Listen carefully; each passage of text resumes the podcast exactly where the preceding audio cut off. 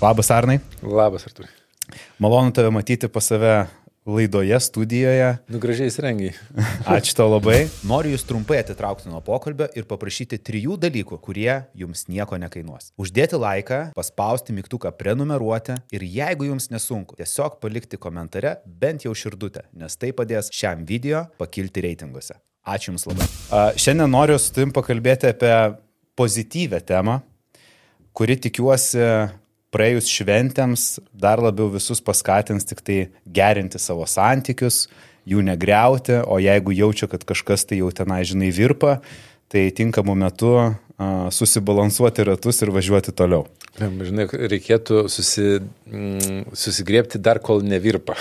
tai mes apie tai ir pakalbėsim, kaip tą pastebėti, pamatyti ir išgirsti. Tai mes šiandien uh, paliesim ypatingai įdomią temą santykiuose, tai kaip juos išlaikyti. Ir aš norėčiau pradėti turbūt nuo pačių pagrindų. Mhm. Tai tiesiog tavęs paklausti, um, kaip mes turėtume ieškoti arba rasti tinkamą partnerį? Uh, o, šitas klausimas šimtametis. Aš žinai, uh, partnerio neieškojau uh, 15 metų gal, ar kiek jau čia, nuo 2 septintų metų, tai čia jau daug ne. Mhm. Ir per tą laiką galvoju, ar yra kažkas pakitę. Turbūt, kad ne. Vakarų kultūrai mes vis tiek, kad ir kaip begalvojam, mes ieškom, ieškom, ieškom ir retai kas iš, iš skaičiavimo, bet galvoju, va, šitas partneris turi va tokias savybės, man tinka jos ir aš dabar čia su juo jau kursiu tuos santykius. Dažniausiai mus vis dėlto uh, įvelia tas emocinis e, įsimylėjimas, žinai, kur mhm. pasineriam į drugelius pilve ir tada staiga atsibundam, kad mes jau ar ten turim vaikų, arba jau ir tada jau reikia pradėti kurti santykius. Tai šiaip e, statistiškai nėra taip, kad jeigu tu uh, pradedi santykius be įsimylėjimo, būtų prastesni santykiai. Nu, ta prasme, netgi priešingai, statistiškai tvaresnės santokos yra uh, E, iš tų kultūrų, kur ten tėvai suranda tavo antrą pusę netgi. Bet e, aš toks labai reali, nu, stiprus realistas esu. Aš žiūriu vat, realybėj, kaip mes ieškom. Tai kad ir kiek aš turiu pažįstamų, kurie ieškojo, ieško antros pusės, tai tas ieškojimas dabar yra nu, gal apsunkęs dėl to, kad yra labai daug pasirinkimų. Visi tie... Perteklinis pasirinkimas. E, ne tik perteklinis, kiek galimybės. Žinai, nu, tu įsivaizduok, ten prieš kelišimtus metų tu gyvendavai, kiek galėdavai pasiekti savo kaimą, ten miestelį, kažkiek mhm. aplinkui, kažkiek yra įmanomų opcijų tau, tavo amžiaus, daugiau mažiau plus minus, nu, ir tu iš jų renkiesi. Ir, nu, ir tai stresas ten būdavo, ar čia tą pasirinkau ar ne. O dabar opcijos visos praktiškai pasaulio moteris arba vyrai visi tau prieinami yra per ten Tinderį, per socialinius tinklus. Ir kad ir kokį surandi, tu visada gali galvoti, šitas turi geresnių savybių. Ir šitą, man atrodo, kad gal geriau jinai uh, kažką darys. Ir, ir rezultate mes esame nuolatiniam strese. Nu, Tobulybės beieškant. Nu, kad ir kaip keistai beskambėtų, bet didesnis pasirinkimų kiekis sukelia daugiau streso. Nu, jeigu mums reikia išsirinkti atostogausim ten ar ten, mums pakankamai lengva, bet jeigu mhm. reikia išsirinkti iš 70 krypčių, kur atostogausim, yra stresas, visas palyginti, visas įsivertinti, tas kryptis turiuomenį, ne moteris šiuo atveju. Esate jauni kuriejai, influenceriai, o gal verslas ir norite pradėti kurti savo laidą. Tam yra puikia vieta - studija Record in Vilnius. Mūsų studijoje savo laidą galite paversti unikalią, dėl to, kad mes turime daugiau negu septynis skirtingus įvaizdžius. Ir jeigu netgi jūs neturite žmogaus, kuris gali jums sumontuoti video, Visą tai turime mes. Jeigu norite pradėti, jums tai reikia parašyti mums laišką mūsų Instagrame recordinvilnius arba elektroniniu paštu hello etarecordinvilnius.lt. Kaip, jeigu, tarkim, yra tokia, žinai, aš esu kažkada tai taip sėdėjęs ir diskutavęs su draugu ir sakau, žinai, tos paieškos būna taip, kad kai tu esi labai alkanas ir eini į parduotuvę, tu dažniausiai prisipirki beleko. Mm. Ar nėra to paties uh, santykiuose, kad kai tu esi jau toks alkanas santykių, uh, ar tu ilgai buvai vienas, ar desperatiškai tu nori susirasti partnerį, tu gali susirasti netinkamą partnerį? Yra, tik tai ne nuo, e, su maistu, žinai, yra nuo trukmės, nuo paskutinio valgymo, kiek praėjo, tenais maždaug, nu, ir kiek ten buvai pavalgęs. Tai su partneriu yra ne visai taip. Netgi trukmė priešingai gerai veikia, jeigu tu ilgiau pabūni vienas ar viena. Nes jeigu tu buvai santykiuose, kuriuose kažkas įvyko, emociškai stipraus ypač, ten kokias nors išdavystės, dar kas nors, tai jeigu tu pradedi iš karto naujus santykius, labai tikėtina, kad tu bandysi uh, kompensaciniu pagrindu tą kurti. Tai yra, jeigu ten buvo uh, kažkoks žmogus, kuris labai stipriai eidavo į vakarėlius, tai stengsis turbūt susirasti kažką, kas yra labai namies, mm. prie namų prisirišęs žmogus. Ir tai nebūtinai yra tai, kas padarys tave laimingą, tai yra tiesiog tai tu bandai kompensuoti. Ir uh, tas pats liečia ir išėjimą iš namų, jeigu tu namuose uh, gyvenai su uh, stipriai valdingu ten tėčiu ir išeini į va, tą savarankišką gyvenimą, greičiausiai ieškosi kažko, kas taip stipriai tavęs atrodo nevaldytų ir nu, kažkokiu būdu vat, uh, išeiti iš, kompensuoti tai, ko, ko neturėjai. Arba neturėjai saugumam, saugumo namuose, nu, tai klasikinis dedį iš jūs, tada mhm. pradedi ieškoti ten kažko, kas tau suteiktų saugumą. Čia priklauso, aišku, moteris vyras, bet, nu, O vat, gerai. Logika ta pati, kaip parduotuvė. Nepabėkite. Noriu pasinaudoti galimybę ir nuoširdžiai jūsų paprašyti, jeigu jums patiko šis pokalbis, tapti vienu iš kontribį remėjų. Tapdami vienu iš kontribį remėjų, jūs padėsite aukti mūsų kanalui. Visi remėjai laidas pamato kur kas anksčiau ir gauna dar papildomų privalumų. Bet kokiu atveju širdingai dėkoju Jums už pasitikėjimą, tad nepamirškite žemiau paspausti mygtuko prenumeruoti ir priminimo, kuris praneš apie ateityje naujai atsiradusias laidas laidas. Ok, ačiū, kad išklausėte ir tęsiam mūsų nuostabų pokalbį. Nu, Taip, o kai sakai, gerai, priklauso vyras ir moteris. Ar yra kažkokie fundamentalų skirtumai tarp to, ko ieško vyrai ir ko ieško moteris? Aš manau, kad yra. Šiais laikais labai nepopuliaru sakyti, kad yra skirtumai tarp vyrų ir moterų. Bet aš manau, kad yra, nes paaiškinsiu, per kurią prizmę žiūriu. Aš negaliu uh, remtis ten kažkokiais tyrimais, kuriuo aš nesudaręs, bet uh, aš labai stipriai analizuoju um, instinktus žmogaus. Ir yra dvi rūšis instinktyvių reakcijų, tai yra medžioklės ir rinkimų, ir jos dažnai vadinamos vyriškomis ir moteriškomis. Tai nėra tikslus apibūdinimas, nors istoriškai tai būdavo, kad yra medžioklės instinktai, instinktai yra susijęs su uh, um, urviniais vyrais ir urvinės moteris surinkimo instinktais nu, siejamos taip labiau.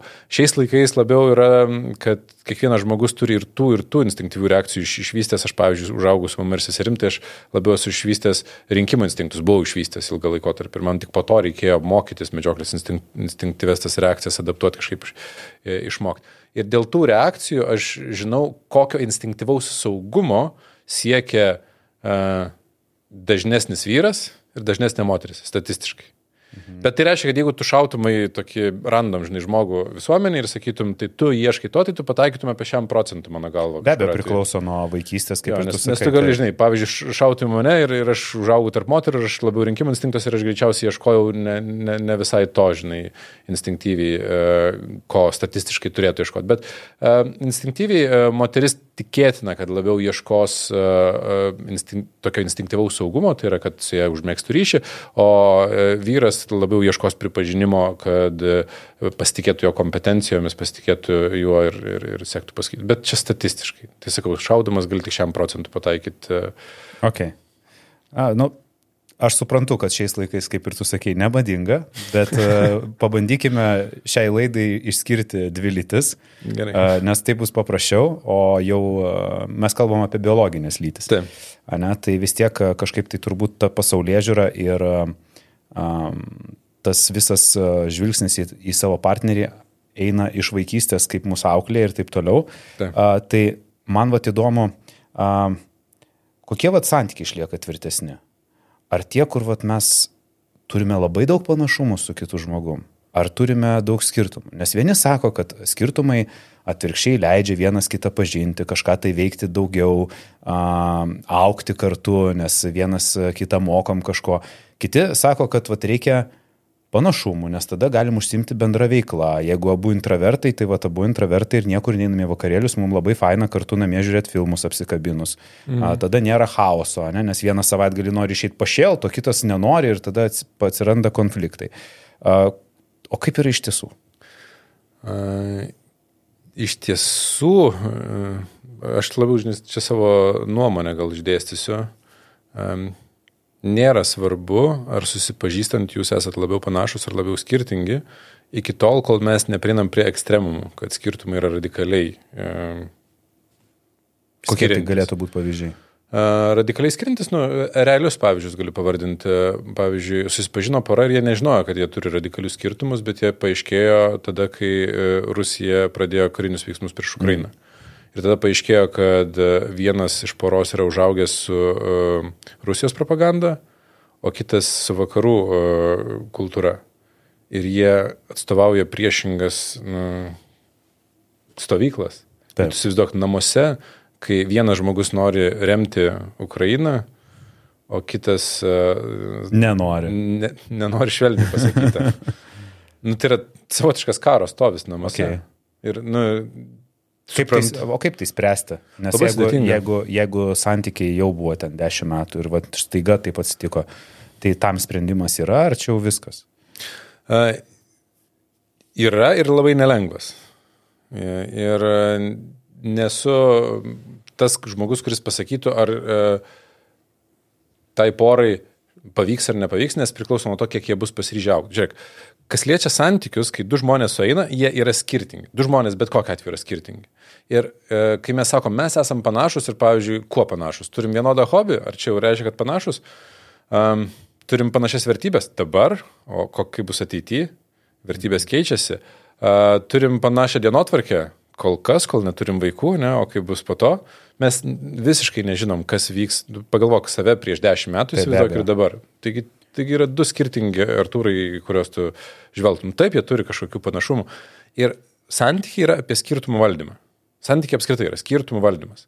Reikia labai teisingai suprasti, kad e, mes uh, matom tik tai nedidelę dalį to, ką mokslas žino, kad galima regėti. Nu, ten rentgeno spinduliais mes nematom, negalim keurai matyti, ar ne. Girdim mes irgi tik tai dalį spektro viso, aukštesnių, žemesnių dažnių negirdim. Ir mes visom savo jūslėm, aš esu girdėjęs, kad suvokiam tik tai apie 2 procentus to, ką uh, mokslas gali pamatuoti.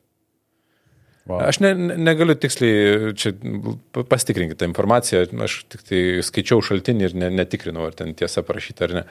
Bet uh, jeigu mes matom e, ir girdim ir visomis lėms suvokiam tik tai 2 procentus to, ką, su, ką mokslas gali pamatuoti, reikia pirmas dalykas suvokti, kad mokslas daugiau gali, tai yra daugiau nei mokslas gali pamatuoti. Pirmas dalykas. O antras dalykas, iš to, ką suvokiam, mes dar dalį informacijos ištrinam, e, ignoruojam. Ir tai klausimas, į ką mes savo tuos 2 procentus nukreipiam.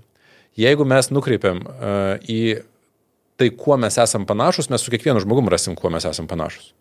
Nu, ten turim dvi, dvi akis, dvi ausis. Ir, jo, ten... randi tai, ko ieškai. Taip. Ir jeigu mes nukreipsim, kuo mes esame skirtingi, net į labai nu, du panašius žmonės, paimkim visuomenės e, normomis, mes rasim, kad mes turim nesuderinamų skirtumų. Nu, tai vat, čia klausimas, kur mes nukreipiam tuos jeigu, jeigu pažinties eigoje vėliau uh, spręsti tuos dalykus, aš suprantu. Bet tai tik pra... pažinties eigoje. eigoje bet pradžioje, žinai, būna, tarkime, pirmi keli mėnesiai draugystės, ne? Ir tikrai nemažai yra porų, kurie nebevysto santykių tik dėl to, kad jaučia, kad yra daug skirtumų.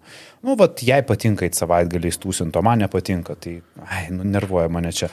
Arba jis ten per daug ten, nežinau, dviračių važinėja, o man patinka eiti pasivaikščioti, aš su juo niekaip nerandu laiko to padaryti.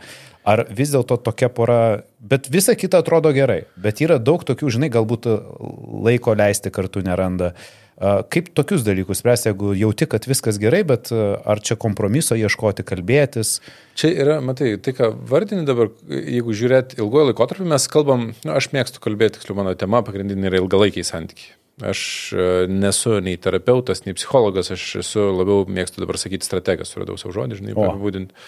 Nes aš žinau daug strategijų, kaip padaryti, kad santykiai neveiktų. Pradžioje žinojau kelias, kurias pats išbandžiau. Po to savo patirtim. Dabar jau klientų žinau strategijų, kurios neveikia. Ir žinau kelias, kurios veikia. Nesau, kad žinau visas, bet nu, okay. žinau kažkiek, kurios veikia. Ir jeigu mes kalbam apie ilgalaikius santykius, 20, 30, 40 metų. Tai pagalvok, tarp 20, 30, 40 metų tas skirtumas, kad mums susipažinus 20 kelių metų vienas mėgo eiti pasivaikščioti, kitas ne, jis yra, yra mizeris. nykstamai mažas. Bet yra fundamentaliai labai dideli skirtumai, kurie, bet, sakau, gali tikrai pačioj pradžioj. Ten vienas žmogus e, nemato savęs sėsliai gyvenančių ir yra visiškas klajoklis, pavyzdžiui, o kitas visiškai sėsliai gyvena. Nu, jiems bus beprotiškai sunku. Mhm. E, tas pats su, su to karo atveju, ar ne, ir, ir su propagandom, ir, ir skirtingom stovyklom. Tai tuos skirtumus suvaldyti yra beprotiškai sunku. Todėl, kad mes turėtumėm gebėti priimti kito žmogaus gyvenimo būdą, neteisdami jo, nemenkindami jo. Ir po daugybės mokymų aš taip drąsiai sakyt, kad galėčiau priimti ten uh, Rusiją palaikantį žmogų ir, ir, ir gyventi su juo dieną iš dienos, abejoju labai stipriai. Okay, tai mes Savo, kalbame. Ne, nepaisant to, kad suvokiu, iš kur kilo, kad uh mhm. -huh. ten buvo užaugintas su ta propaganda ir Taip. kad, kad nu, jo pasaulio, bet vis tiek aš suprantu, kad nu, uh, nu, aš su kita užaugau, žinai. Tai čia tokie, sakyčiau, jau labai plataus požiūrio dalykai, ne? Kur, jo, ir, ir sudėtingi. Bet, pavyzdžiui, priimti skirtumus smulkesnius, kad vienas mėgsta išeiti pasivaikščioti, o kitas nemėgsta išeiti pasivaikščioti, nėra labai sudėtinga. Nu, e, tai yra emocinės brandos reikalas, e, nes e, dabar, žinai, aš auginu 2-5 mečius. Tai jiems emociškai sunku priimti e, net ir labai menkus skirtumus, kad e, vienas žaisdamas nori apsimesti e, pelę, o kitas sako, ne, būk katė. Ir, ir, nu, jiems jau per sudėtinga priimti skirtumą, kad, kad kitas turi savastį ir nori nuspręsti, kaip jisai nori. Mums žiūrint iš šono atrodo jokinga, nu taigi pažaiskit pelę, po to pažaiskit kate, koks skirtumas, ar ne? Tai su ta emocinė branda aš mėgstu labai imti vaikų pavyzdį, nes mums lengva pasižiūrėti, kad jeigu žiūrim į uh, tą nu, pirminę emocinę brandą, tai mums labai aišku, kad iš jos išaugama. Ir kažkodėl mes užsiciklinam, kad iš dabartinės mūsų emocinės brandos tai jau neišaugama. Aišku, jeigu nieko nedarai, gal ir neišaugama, bet jeigu kažką darai, jeigu iš tikrųjų mokaisi, sprendi egzistencinius klausimus savo gyvenime, žinai, keli mm. klausimus, uh, ieškai atsakymų, nu tai natūralu, kad priimti dalykus, kurie anksčiau man atrodė, ne, aš tuo tai jau tikrai ne, nebūčiau. Jeigu jau ten dovilė eitų kažkur, tai aš, žinai, tikrai nebūsiu kartu. Ten po, va, tarp kitko, ten po mūsų krizės, kada ten mes ten skiriamės ir, ir susitaikėm, galvoju, niekada daugiau ne, nebūčiau su Dovilė, jeigu jinai eis ten viena į kokius nors vakarėlius. Dabar tai tik tik eina. E, nes e, e, visiškai kitoks suvokimas pasidaro mhm. po, kiek čia prie penkeri metai, septyneri, nežinau. Bet tu pats minėjai, kad tu augai su mama ir sese. Taip. Ir turėjai to feminin vis, mąstymo, ne? Taip, taip. Tai galima sakyti, kad santykių tam tikrus principus mes atsinešam iš tėvų, iš vaikystės, nes matom kaip pavyzdį, bet vėliau mes galime performuoti tai, uh, ugdydamėsi. Taip, visiškai. Uh, kur pas tave vyko tas lūžis ir kaip tas ūkdymas, kaip atpažinti, kad kažką reikia keisti. Gal kitas nekeičia, bet tai jam kenčia, e, kenkia visą gyvenimą santykiams. Kaip suprasti, kad tai kenkia, reiktų kažką keisti. Nes tu, tu supranti, aš girdžiu dabar suprantu.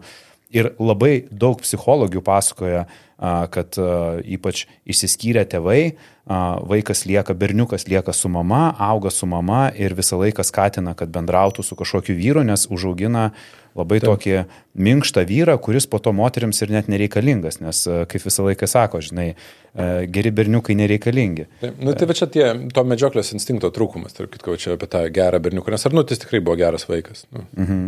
Iš va, buvau tas. Ir kur, kaip, kaip tą pastebėti savyje, kokie yra to bruožai? Tarp kitko, nereikia, kad žaugintų viena mama, gali dviesi auginti, jeigu tėtis ne, nerodo dėmesio. Nebūna namie arba nerodo dėmesio. ir mama augina. Tu teisus. Kad ir kaip e, skaudžiai tai beskambėtų, bet krizės dažniausiai priverčia mus atsibūsti. Ir e, tada, kai mes e, susidurėm su realybė, kurios nebegalim ignoruoti toliau, tada mes pradedam kažką keisti. Arba, nu, arba atsitraukti, bėgti nuo problemos. Aišku, sprendimų yra ir kitų. Ir mūsų atveju irgi buvo tas pats, kad mes gyvenom, susitokėm, e, mūsų santykiai po santokos pradėjo prastėti, kas yra standartas, tarp kitko. Beje, o kodėl tai vyksta? Nes girdžiu jau daugelis sako, Čia yra visiškai vestuvės, statistiškai- vestuvių skiriamės visi. Šitą aš jau žinau ir ne vieną statistiką skaičiau, tai jau čia galiu patvirtinti, po santokos santykiai pradeda, nu nebūtinai po santokos, po apsigyvenimo kartu, nu po kažkokios mhm. įsipareigojimo, santykiai pradeda prastėti, su sąlyga, aišku, jeigu mes nieko nedarom dėl to. O kas suklikina, kad uh, uždėjus žiedą ant piršto, staiga kažkas pasikeičia ir žmonės skiriasi. Todėl- Nors prieš tai draugavo septynis metus, ten penkis metus. Net ir tos septynės gyvenant santykiai po truputį. Matai, gamtoj panašu man į tai, kad viskas arba auga, arba miršta. Nėra kitaip. Ir gali tiesiog taip lietai vykti, kad mes nematom, ar auga, ar miršta ir atrodo, kad viskas stovi. Bet e, nu, su santykiais irgi tas pats. Arba jie progresuoja, tai jie, jie mm. ugdomus, mes tampam vis e, emociškai brandesnė juose, arba po truputį važiuojam žemyn ir, ir kažkada, žinai, tos lėtinės, aš mėgstu jas vadinti lėtiniam problemam santykių, tos lėtinės problemos pasireiškia. Ir tada jau mes norim pabėgti. Tai priežasčių yra ne viena. E, Viena iš priežastis yra instinktyvi, todėl kad e, e, kai mes pradedam kurti santykius, tai atsiranda fokusas į um, užkariavimą širdies, nu, ten, arba sužavėjimą ir, ir mes skiriam tam dėmesio. Ir instinktyviai, kai tu tai pasieki, tu nebeskiri tam dėmesio, nes tai yra jau lyg ir padaryta. Ir mūsų visuomenė yra suformuota, kad, nu, vat, sukūriau santykius. Lik santykiai būtų kažkas, va, sukūriau stalą, tai jis yra stalas, ar ne? O sukūriau santykius, tai kur?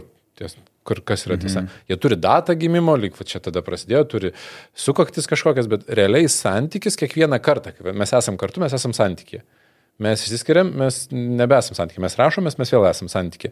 Mes, mes turim tik tai um, tam tikrus momentus laikė ir erdvėje, kada mes esam santykyje. Santykiai nėra, san- santykiai yra fikcija, bet santykiai tokie kaip. Nu, čia nėra kažkokio daikto Taip, santykiai. Ir kadangi uh, mes sukūrėm ir atrodo, kad jau va, sukūrėm tos santykius, nu, tai jau nieko nebereikia daryti. Ir akivaizdu, kad e, tai nėra tiesa. Uh, bet ir ta kita pusė, kur sako, kad santykiai yra sunkus darbas, aš irgi nesutinku. Uh, darbas sunkus yra su savim, o santykiai tada jau savaime gaunasi. Ten labai, daug, daug jų kurti nereikia. Tai čia, ta, žinai, viena priežastis instinktyvi.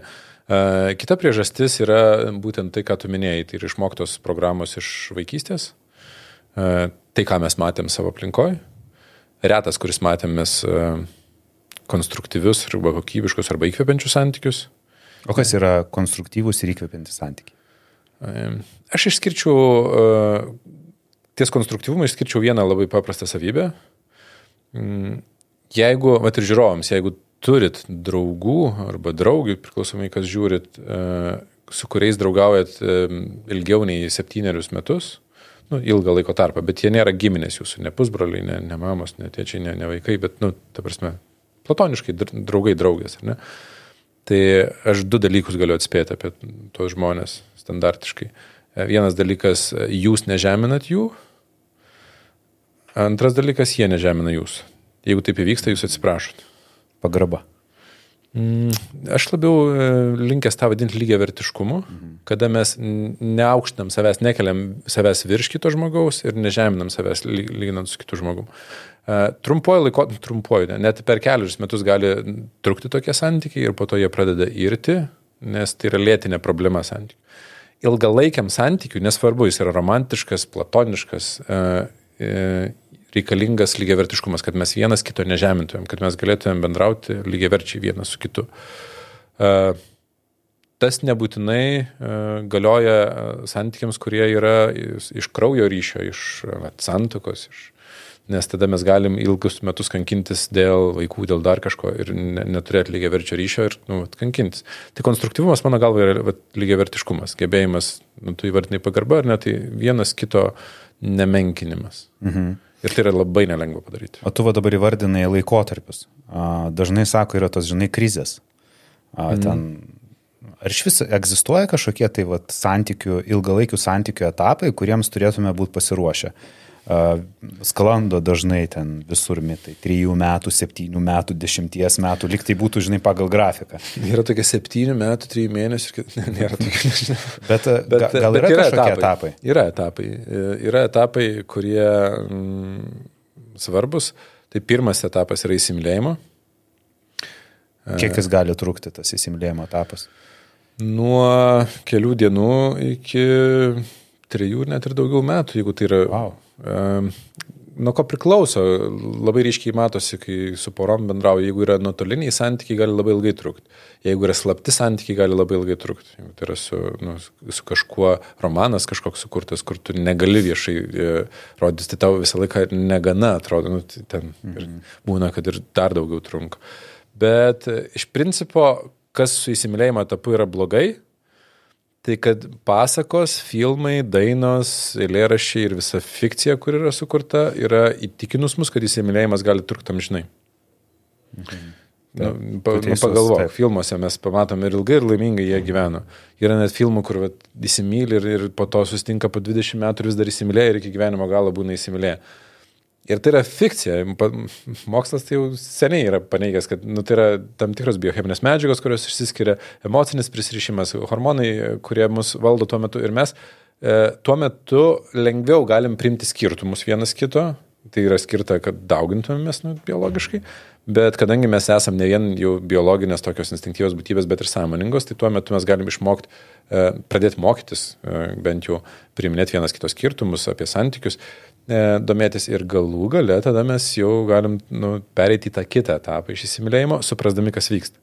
Aš, e, kol tu neperėjai prie antrojo etapo, noriu paklausti, vad hipotetiškai. Uh -huh. uh, filmai tikrai išmokė to, kad meilė gali būti amžina ir susitikus ir po 20 Taip. metų, kaip tu sakai, žmonės dar vis įsimylėjo. Na įsivaizduokime, pora buvo kartu dėl kažkokių tai ten dalykų, galbūt nesusipratimo išsiskyrė.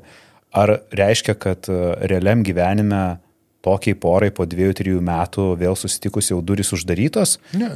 Ar tai gali vis dėlto vėl virsti kažkuo tai? Aš tik tave pataisysiu. E, jeigu filmuose rodytų, kad meilė yra, e, gali būti amžina, tai aš sutikčiau. Bet jie rodo, kad įsimylėjimas gali būti amžinas. Okay. Ir tarp įsimylėjimo ir meilės yra bendras šaknis, bet daugiau Skirtumų. ten daug bendro labai ir nėra. Nes uh, Įsimylėjimas yra instinktyvi reakcija, kada drugeliai pilves skraido, kada, tau, kada tu būni neobjektivus, tu iš principo žiūri mhm. į antrą pusę ir tau atrodo jinai tobula. Ir tas etapas jis praeina. Mhm.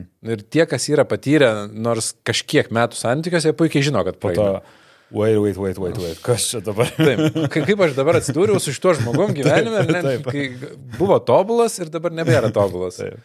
Tai va, tas įsimylėjimas, jis, nu, aš, aš esu nepatogus šitais klausimais ir e, e, kartais ant manęs pyksta žmonės, kad aš e, sakau, bet aš stiprus realistas esu. Šitas įsimylėjimas praeis visiems. O bet nėra, kad stipriausias įsimylėjimas būna tada, kai susidedama su narcistais. Nes pas narcistus yra tas toksai braižas, jog jie užliuliuoja savo partnerį. Aš galvoju, kad jie ilgiau gali pratempti. Taip, jie, jie taip užliuliuoja savo partnerį iki tos tobulybės, ypač vyrai narcistai, ir tada moteris jau sukelia tokius lūkesčius, kad jinai yra su mega tobulu vyru ir jisai, kai gauna, ko jis nori, jisai krenta į dugną ir jam jau viskas yra.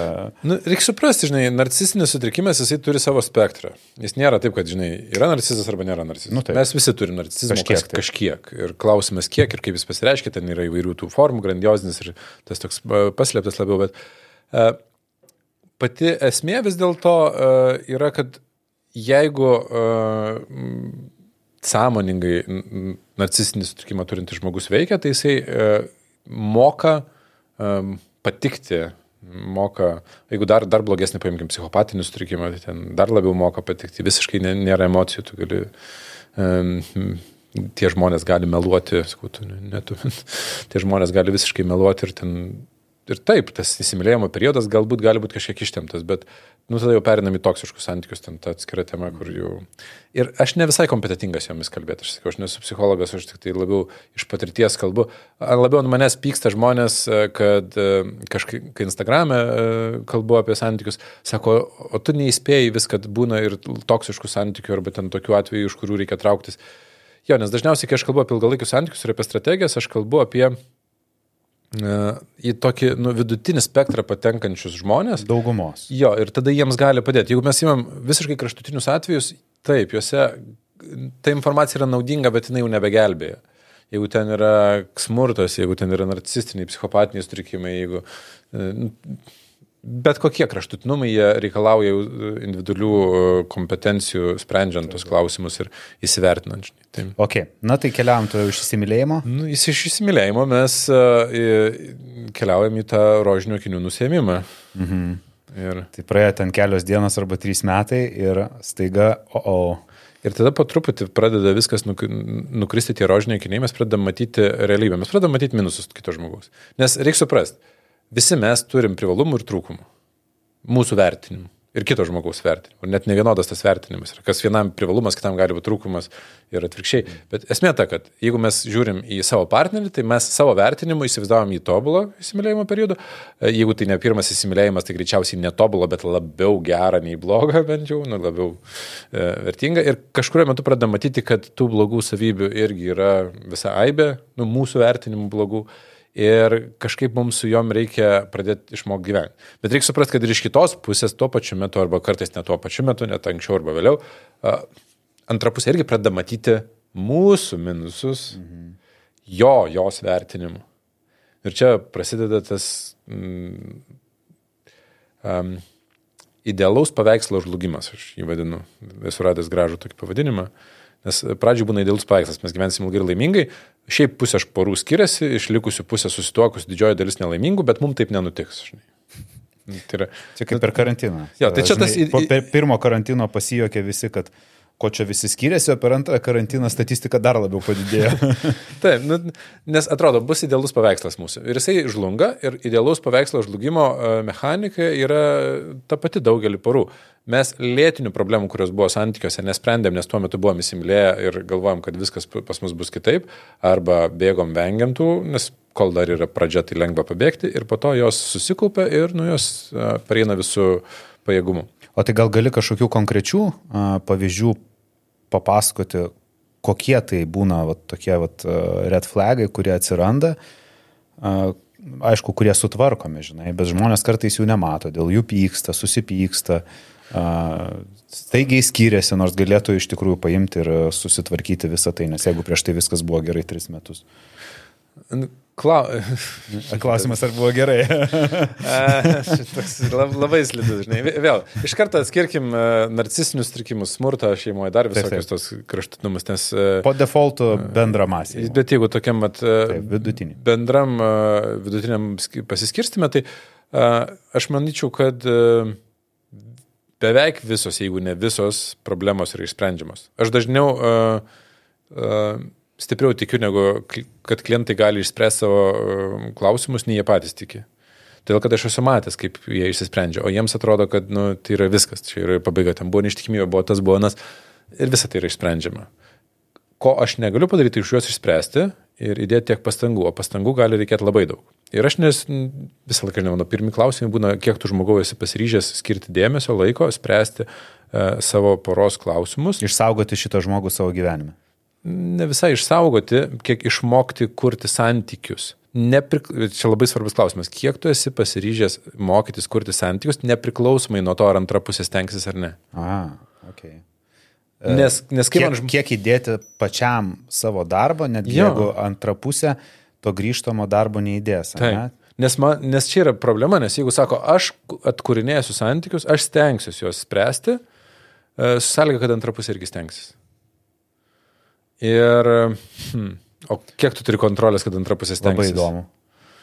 Reiškia, uh, santykiai yra apie tai, kiek mes norime net lygintinai įdėti darbo ir juos kurti. Ne visai. pa, pa, padypinsim. Okay. E, Esmė yra, ar aš moku kurti santykius ar ne. Jeigu mano santykiai per pirmus trejus metus griuvo, jie gali būti, kad griuvo dėl to, kad aš nuo pat pradžių turėjau im, tam tikrus elgesio modelius, kurie buvo įdingi. Pavyzdžiui, e, užaugau šeimoje, kuriuose visiškai niekas nemokėjo brėžti ribų ir aš nemoku brėžti ribų ir patekau į santykius, e, kuriuose aš e, pataikauju, o antra pusė yra nuolatos e, sprendimo viršuje, taip pavadinsiu visą laiką, ima sprendimo viršų. Ir tai yra neligiavertiški santykiai, tai yra lėtinė problema, kuri tikrai pasireikš ateityje stipriam, nu, sti- stipriais, stipriam audrom, taip vadinkime, ten, iššūkiais, problemomis. Ir jeigu aš noriu mokytis kurti santykius, tai aš turiu mokytis išbrėžti ribas. Nepriklausomai nuo to, ar antra pusė stengsis ar ne.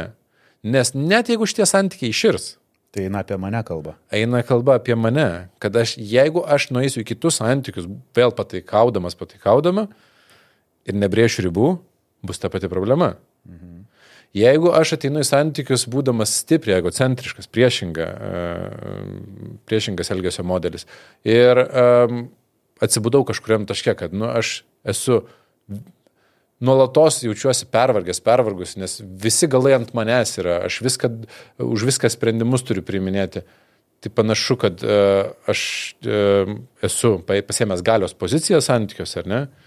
Ir kad gal man reikia išmokti atidavinėti dalį tos atsakomybės, o gal ir ribas brėžti lygiai taip pat nemoku. Ne? Tai vėl, ar išliksiu su šituo žmogum santykiuose ar ne, nėra taip svarbu. Tai eina kalba apie mano gebėjimą kurti santykius, romantiškus santykius. Uh, Ir kas yra įdomu, kad jeigu žmogus išmoksta kurti santykius, dažnu atveju nebereikia ir sant, poros problemų spręsti, nes jos savaime pradeda spręstis. E, nėra garantijos. Gali būti, kad ir, ir žinai, ta, ta pora ir pasibaigs. Ir aš mat, e, šitoj vietoje, žinai, dažnai jaučiuosi nesuprastas, nes aš kai su klientais bandau kalbėti, ar ten Instagram'e bandau kalbėti, visą laiką galvoja, sako, Arnas visą laiką nori išsaugoti uh, santoką. Ne, aš noriu išsaugoti santyki, kad išmoktų kur santykius. Ir, nu, pavyzdžiui, tas pats pavyzdys su Ukraina, Rusija ne, ir, ir, ir pora. Poroje gyventi tokiame, uh, tokiuose skirtumuose gali būti, kad yra per sudėtinga. Nebent taptų apolitiškais visiškai ir gal į tai nekreiptų. Nu, arba išmo, nu, išmokti nu, išmokt priimti vienas kitą įmanoma, bet tiesiog labai sudėtinga. Bet pavyzdžiui, jeigu neišeina, nu, jeigu tai, tai yra nuolatinė kova, išsiskyrus išmokti nemenkinti antros pusės ir surasti bendrą kalbą dėl vaikų auklėjimo, dėl kitų įmanoma. Tai, žinai, kur problema yra, žmonės sako, tai aš neišina kurti man santokos šitos, šitą param, man šitas žmogus netinka, aš įsiskirsiu, baigsis problemos. Nu, jeigu mes turim vaikų, tai niekas nesibaigs. Toliau bendrausim ilgai ir laimingai. Tai santykis tai tęsiasi. tai ką išsprendai? Tai tik tai pabloginai. Sako, man nepatinka, kad mano vyras reikia ant vaikų. Nusakau, tai išsiskirsi, tai kuo tada pasikeis, kai jisai savaitį pasims, nematysi, kad reikia, tai čia... Tai išėjai mhm. kitą kambarį tada, nu ką žinau, ta prasme, jeigu čia sprendimas. E, nu čia juokauju, čia ironizuoju, bet e, pati esmė, kad mes turim išmokti kurti santyki, priimti kito žmogaus skirtumus, priimti kito žmogaus auklėjimo skirtumus ir, ir tokiu būdu spręsti, žinai. Nu, tai va, čia tas idealus paveikslo žlugimas ir yra tas momentas, kada mes pradedam matyti tas lėtinės problemas, savo elgesio modelius atsineštus. Tarp kitko, kaip ir aš atsinešiau vat, iš e, šeimos. Ir um, labai įdomu, kai mes su Davilė buvom toj kriziai, aš labai aiškiai uh, pradėjau suvokti, kad aš užaugau išsiskyrusiai šeimoje, aš nesu matęs, kaip atrodo um, normalių santykių, net pavadinčiau, net, net kažkokių santykių vyro elgesys šeimoje. Ir ką tuo metu darėjai? Ir, bet dar palauk, dar Davilė yra iš sant, santokos, kurioje buvo smurtas šeimoje, nėra mačius, kaip atrodo uh, normalios šeimos moters elgesys. Mes turim elgesio modelius kažkokius keistus, iškraipytus. Uh, ir mes įsivaizduojam, kad jie yra normalūs, nes kai mes augom, mes nematom nieko kito. Nu taip. Ir jeigu jie nenormalūs, jeigu jie labai skausmingi, tada mes ieškom kur televizoriui, susirinom serialuose, ten irgi yra iliuzija. Ir mes ateiname į santykius ir mes su tais elgesio modeliais pabandysim sukurti dabar. Dar ne šeimą. Dar ne šeimą, jo. Nu, tai pagalvok, kiek absurdiškai tai skamba. O tai kaip gauti to įkvėpimo, supranti, priimti tą sprendimą, keisti tai, nes, nu, aš dabar suprantu, kad tai yra labai labai daug darbo. Ir kaip Bet matai, darbas yra, čia ir yra esmė, darbas tai yra ne su antra pusė. Ne, ne, ne su savim, be abejo, su savim. O klausimas. Kaip identifikuoti uh, tą dalyką pradiniai stadijai? Kad iš vis pradėti tą darbą su savim. Tai aš labai lengvai galiu identifikuoti. Jeigu turi santykius, tai reikia dirbti su savim. Iš karto. Net, net, net ne. Jeigu, jeigu planuoji. Lemai, kaip žmonės manęs nemėgs po šito podcast'o. Ką dirbti, taigi normaliai viską vakarė grįžti. Viskas gerai, nesaproto, uh, valgyti padaryta, aš pinigų atnešiau. Nu. Viskas gerai. Po to vieną dieną, uh, bam, noriu skirtis. Ir tada vyras, kaip, iš kur čia, staigmena. Bet tiesa, kad moteris metai, du metai, kartais ir trys metai iki skirybų jau būna beveik prieimusios sprendimą ir ties tuo sprendimu dirba. Ir vyrai. Ir vyrai, ne? Tai Bet, o paskutinė stadija yra nesudarinamumo istorija, taip vadinama. Tai yra mes pradedam kurpti, priklauso nuo mūsų gebėjimų, kiek mes stipriai esame nesuderinami tam, kad savai įtikintumėm, kad mums jau e, reikia, ypač jeigu žmogus yra, e, nu, net ten psichopatinis kažkoks sveikos psichologijos, tai jisai bando savai įtikinti, kad čia yra teisingas sprendimas. Jis rašo, rašo ir man. E, ieško visur šaltiniuose įrodymų, kad jiems nepakeliui. Mhm. Ir kai jau suranda pakankamai įrodymų, kad jiems nepakeliui, pakankamai patvirtinimo, tada sako, jau viskas, skiriuos. Tie, kurie yra ryštingesni, greičiau nu, prieina prie to sprendimo, gali užtrukti ten ir... Tai išeina, kad ten metus du ieško tik patvirtinimo. Jo, aš pats pusmetį ieškojau. O kodėl tada iš karto Prieš apie tai nesakydamas nepradėt... Doviliai, kad, kad noriu skirtis. Bet kodėl tada to nesakyti iš karto, o tą pusmetį temti ir realiai, realiai tai kankinti kitą žmogų, nes jam tai bus Nes, staigmena? nes, tu, nes tu bijai, nes tu galvoji, kad tai yra neteisingas sprendimas. Tai yra psichologiškai nu, normalus procesas. Mes, mes nesam tikri. Kad, kada tu, žinai, pagalvok, kada mes šimtų procentų esam tikri kažką nuspręsdami. Tada, kai mes būnam apakinti. O kai mes jau esam nebeapakinti, jau idealus paveikslas žlugo, nu, tada mes nebebūnam tikri, nežinau, nes blogai ir skiriant, nu, įsivaizduok, jeigu pora turi ypač vaikų, skiriantis bus blogai, liekant kartu yra blogai. Ir aš nežinau, ką daryti. Net jeigu nėra vaikų, ten mūsų didelio atveju nebuvo vaikų, bet vis tiek nu, tas skirybos ir identiteto žlugimas yra, yra, yra daug krūva bėdų. Bet, nu, žmonės kažkaip turi iš to sprendimo e, išeiti su kažkokiu kiekiu užtikrintumo, nu, tai vat, ieško tų įrodymų. Ir aš atsimenu, sakiau apie to 2, 2 procentus, kur mes jas kreipiam. Tai mes pradedam jas kreipti, ieškodami atsakymų, kodėl mums nu, nelemta būti kartu. Mes visą tas, tuos du metus galvojam apie skirybas, tai automatiškai kenčia santykiai dar labiau. Jo, tai jie jau bet ten dažniausiai jau būna kenčia. nukentėję, bet ar, ar gali tai identifikuoti partneris, partnerė, tai pastebėti, nes būna, kad sako iš kaip iš gėdro dangaus. E, nu tai Žiūrėk, grįžkim prie to klausimo, kur sakiau, kad nekes manęs uh, žmonės. Jokauju, ne, nekes, bet nu, jis ir tokias provokacinis yra. Uh, kai mes ateinam į santykius, uh, tai dažniausiai mes norim, kad būtų geriau. Aš irgi atėjau santykius norėdamas, kad būtų saugiau, nu, numeris vienas. Na nu, tai taip, jeigu, klausyk, aš vienas, man jau gerai, jeigu dabar vėliuosi į santykius ir tik po gyvenimas pablogės, ką man tie santykiai. Man nu, Noriu, kad būtų geriau, ar ne? Taip. Ir mes norim, nu, bet saugumo, nuotikių, ten palaikymo, mhm. pagarbos, dar, nu, kažkas, kad būtų geriau, kad man, mums Taip. čia suteiktų antrą pusę, ar ne? Bet jeigu norim, kad suteiktų, tai antrą pusę turi duoti. Antra pusė greičiausiai irgi iš mūsų nori, kad mes suteiktum, tai mes turim duoti nuolatos. Ir, ir čia mes turim problemą, nes santykiuose realiai yra būti sudėtingiau nei būti nesantykiuose. Santykiuose nėra lengviau būti, nėra geriau būti, nėra, nu, ten kažkuriais klausimais gali būti, ten finansiškai saugiau iki, iki ten skirybų, to pasidaro priešinga. Ir, ir kas gaunasi, kad santykiai yra procesas, kuris mus ugdo. Ir aš čia mėgstu tokį palyginimą pasakyti, kad, nu, įsivaizduok, žaidi žaidimą kokį nors ir praeini pirmą lygį, lengva viskas. Ne? Antrą kartą į pirmą lygį. Nu, praėjai, pasidžiavai, koks fainas, kaip čia man fainai. Trečią kartą į tą pirmą lygį atsibodo, va čia jau stovi, viskas. Ką tu darysi? Nu, kažkaip reikia įti antrą lygį, ar ne? Į antrą lygį ir ten būna sunkiau. Tai santykiai yra va, to klausimu sunkiau nei būti vienam. Ten yra tikrai daugiau kompleksikos visos. Ir, ir tas, tas kompleksiškumas yra mus ugdantis. Ir kai mes einam žaidime ir susidurėm su žaidimo ten bosu kokiu, kurį ten reikia nugalėti, ar ne? Mes nesakom, ai, nesąmoningas žaidimas, bosas sukūrė, galėtų būti viskas labai lengva. Nes mes suprantam, kad į žaidimą mes atėjom, nu, iš principo, ugdyti.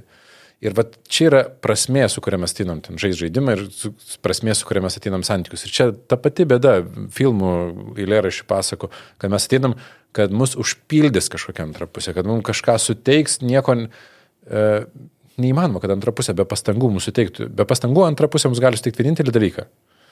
Žinai ką? Augimą. Mhm. Tai yra suteikti sudėtingas situacijas, nu, bet tu labai puikiai žinai. Jeigu nori auginti uh, jėgą, turi kelti svorius. Nu, turi būti sunku, tiesa? Taip. Jeigu nori išminties, reikia spręsti problemas. Tu negali gauti išminties, man duokit išminties šiek tiek, aš vat, noriu būti išminties. Tau reikia problemų. Jeigu nori turėti daugiau emocinės brandos, tau reikia iššūkių santykiuose, nu, santykiuose šiuo atveju ir romantiškos, ar ne? Ir, ir dar toliau, tęsiant lygiai tas pats, turėti vaikų yra ženkliai kompleksiškiau nei neturėti vaikų. Ir vėl tai yra kitas lygmo. Tik kas vyksta, mes žaidime tai einam pirmas lygis, antras lygis, nu ten suprogramuota, kad mes neperšoktumėm iš karto į ketvirtą lygį. O gyvenime mes netyčia iš karto, vaikai, e, žmona ar ten vaikai, vyras, e, ketvirtas lygis, pirmo dar nemokam. Mhm. Ir mes bandom ten kažkaip uh, iš to išlipti. Good point. Uh, taip. Tai viskas prasideda nuo savęs. Taip, mes turim išmokti su savim, pra, mhm. pačiai pradžiai dėl to sakiau, kad pauzė tarp santykių yra gerai, nes mes išmokstam su savim. Kokia yra pauzė gera tarp santykių? Bent metai. Bent metai. Bent metai. E, kadangi žmonės, kurie išeina iš santykių ir ypač turi ko, priklausomybę, tą vadiname, kad labai buvo priklausomi nuo santykių, tai yra ko priklausomybė nuo santykių, tai priklauso, kai tu būni laimingas, jeigu antra pusė laiminga. Ir tada, nu, čia grubiai labai strum, taip apibūdinau, bet e, tada tu išėjęs iš santykių, e, iš karto nori įeiti į kažkokius kitus santykius, kur kažką kitą padarytum laimingu ir, ir nu, tokiu būdu save kompensuotum. E, Tai tokiam žmogui, kai bandai sakyti, kad metus darytų pertrauką, būna per sunku, tai jis sako bent pusmetį, bet jeigu pusmetį ištveria, dažniausiai po to ir metus ištveria. Mhm. Ir tada paaiškėja, kad jo, sako. Ką, ką reiškia būti be santykių metus laiko? Nežinau, aš nebuvau. Rimtai. Nu, bet kai tu sakai, kad pabūt be santykių bent metus laiko, aš, tai čia nedeitant, nevaikščioti pasimatymus, neturėtų jokio seksualinio kontakto, uh, neturėtų, tarsi, kas tai yra, nes, nu, retas, kuris tai sugebėtų daryti. Ne, nepasirašyti ant ilgalaikio santykio, tuo, tuo laikotarpiu, ten dabartiniai kultūrai kažkokie nuotikiai kažką stipriai pakeis, tai nemanau. Tik tai aišku yra didelis pavojus ant kompensacinio to mechanizmo užsikabinti ir panerti tuos santykius, nes staiga įsimylėjimas įsijungti gali ir, ir iš karto, žinai. Tai, Iš to tai, žinai, one night stando, žiūrėk, jau yra. Nu, jo, tai aš, įkrentys. Aš nesu, žinai, šitos ryties ekspertas vėl, bet uh, aš ką daryčiau, arba bent jau patarčiau, tai upfront įspėti, žinai, ta, su kuo pradedi bendrauti. Mhm. Uh, man uh, užstrigo tavo ta frazė, kad įsimylėjimas ir meilė yra visai du skirtingi dalykai. Taip. Uh, tai kada ta meilė jau tada prasideda? Mes turėjom įsimylėjimą, tada rožiniai kiniai nukrito, prasidėjo konfliktai. Tai kaip ta meilė gimsta? Tai apie konfliktus priminė. Aš taip ir ne, neatsijau, kažkaip nukrypėm nuo tos temos. Sakai, ar gali pavyzdžių pasakyti, mhm. kokie, taip. žinai, tie konfliktai būna ir, ir kaip. Tai aš galvoju, kad mes neteisingai dažnu atveju vertinam, nes labai aštrus būna konfliktai kartais, kada labai stipriai rėkia viens ant kito arba labai ten užsisklendžia, verkia ašaros ir mums atrodo, kad tai yra labai stiprus konfliktai, bet kartais jie nutinka dėl instinktyvių priežasčių kažkas kažkur skubėjo, kažkas uh, jautė grėsmę ir nu, išsiplėsti negaliu dabar apie instinktus, bet jeigu jie nutinka dėl išorinių priežasčių instinktyvių, tai yra kažkam kažkoks mailas atėjo, ten, kad atleidžia iš darbo ar ten darbe kažkokie sunkumai, uh, sunkesnis periodas, tai nėra labai reikšmingi konfliktai. O kartais yra labai tylus konfliktai, kurie e, lyg ir yra toleruojami toje poroje, bet jie rodo, kad ateityje bus milžiniškų problemų. Ir aš, pavyzdžiui, stebėdamas poras, po tiek metų labai dažnai matau, kai nueini į bendrų kokių pažįstamų susirinkimų ir ten yra naujos poros, kurias aš kaip ir galiu stebėti. Tai, nu, aš e, tik tai neprisėmu tos rolės e, šito kažkokio čia konsultanto ir aš nu, tiesiog stebiu ir sako, kodėl tu nesakėjai, nu tai ką, aš ateisiu, sakysiu, pas jūs poroj bus problemų, tai mane kaltinas padarai. Jūs išsiskirsit. Tris metus gyvenom, problemų nėra, tie Arnas sako, bus problemų. jums, liko, jums liko e, metai. Bet, nu, tas labai ryškiai matosi, viešas poras stebint kai kurias, kur tu mm. žinai, kad, nu, ten yra sunku, žinai. Ir e, nu, čia aš galiu kelis tik pasakyti, bet pagrindas yra susijęs su menkinimu vienas kito. Jeigu yra lėtinis vienas kito menkinimas, lėtinis tai yra toks, kur, kur paslėptas, lyg, pavyzdžiui, ateini ir, ir draugų poroj, vienas iš poros, kitą prie draugų uh, nuolatos vis pašiepia. Ir žinau, kad santykiuose yra milžiniškų problemų, nepaisant to, ar apie jas kalbama ar nekalbama yra. Nes jeigu, nu, įsivaizduok, jeigu tave pašiepia nuolatos, tai tu jauti neteisybės jausmą kad tu jausdamas nuolatinę neteisybės jausmą neatkeršysi, neatsimsi atgal sąmoningai ar ne, nėra šansų. Tu tikrai kažkur keršysi. Surasi laiką ir erdvę, kada tu keršysi atgal. Jeigu keršysi atgal, antra pusė vienareikšmiškai jaus neteisybės jausmą, keršysi atgal. Per kur dažniausiai keršyje vyrai ir per kur dažniausiai keršyje tai moteris? Klasika. Mhm. Moteris per seksą. Pinigai seksas, jo. Mhm. Vyrai Bet, per pinigus. Bet dabar ir apsikeitusi būna parūžnai. Tai mhm. Šiais laikais visai būna. Um, jeigu yra šeimoje vaikų ir jeigu nėra ten galios persvaros didesnė, didelės kažkokios, tai e, laikas yra vienas iš tokių labai stiprių keršto elementų, kur, e, pavyzdžiui, vienas e, turi teisę šeimoje nuspręsti, kur ir kada bus, nes dirba, o kitas žmogus būna su vaikais ir jisai kiekvieną kartą turi atsiklausti. Ir tai yra, nu, toks nesąmoningas menkinimas. Nu, tas lėtinės problemas, sakau, jos iš šono žiūrint, kartais net netrodo kaip problemos. Ten, pavyzdžiui, poroje vienas žmogus uh, sako, taigi aš nuolatos uh, jai duodu pinigų. Kai tik paprašo, aš duodu. Ir čia atrodo skamba kaip, nu, tai labai koks, koks fainas, kad duoda, ar ne? Bet įsiklausyk į žodžius. Kai tik paprašo, aš duodu. Tai reiškia, aš esu galios pozicijoje ir šalia manęs yra žmogus, kuris nu, manęs turi prašyti. Come on. Mhm. Kas vyksta arba ten, kalbant apie namus ten, arba apie dar kažką, čia sako, čia mano, čia mano, ne jūsų. Nu, tai prasme, ir tai yra tokie, žinai, kai aš kalbuosi žmonėms, aš dažniausiai klausau, ką pasako netyčia, nutyli. Nes tai yra svarbesnė informacija nei tai, ką bando deklaruoti. Nes Nesąmoningai tokie dalykai. Jo, nes, nes jie pasireiškia taip, žinai, tiesiogiai. Tai vad, tam idealiam, idealaus m, mm, paveikslo griūtyje žmonės pradeda matyti, kad fuck, čia galima keiktis, jeigu užpypins. Mane menkino šitiek metų, ar ten šitiek laiko ir aš nieko nedariau. Ir, ir man kažkaip reikia dabar kažką keisti, nežinau ką keisti, nežinau mhm. kaip keisti ir kažkur būna va, tas taškas. Tai mano atveju buvo tas taškas su Davilė, kada mes uh, gyvenom ir abu buvom nelaimingi ir mano gyvenime atsirado susirvėjimo objektas ir aš galvoju, o ne, aš nedarysiu taip kaip mano tėvas, nes mano ten tėvas lakstė per panas ir išsiskyrė, žinai, aš galvoju, aš pirmą išsiskirsiu. Ir, ir po to blakstysi. Ir tada labai stipriai pakeičiu. Aš, ne, aš mėgstu iš savęs pasijuokti šito klausimu, kad labai toli nepabėgau nuo tėvo elgesio modelio ir aš tada davilyj pasakiau, kad skiriamės. E, ir, ir ten prasidėjo visas. Ir tada galvoju, bet aš niekada nesidomėjau santykiais, aš niekada ne, nieko neskaičiau ir aš tada prisisinčiau pirmą programą ir nuo to prasidėjo mano domėjimas santykiais bendrai. Ir po to, kai mes jau ten long story short, žinai, uh, E, galų gale, sakom, pradėjome abu atsimerkti, kad nieko čia gero mes ne... Sakėm, kad viską išbandėm, nors iš tikrųjų nevelnio nieko mes nebuvom išbandę santykiuose, nes nieko nesupratom apie juos. Tada sakom, nu pabandom. Tada buvo labai sunkus tas gyvenimo etapas ir mes pradėjom ieškoti, nu gerai, Lietuvoje čia neradom ir mes pradėjom važinėti į Ameriką, skridom į, po Europą į vairius mokymus ir mes ieškojom atsakymų.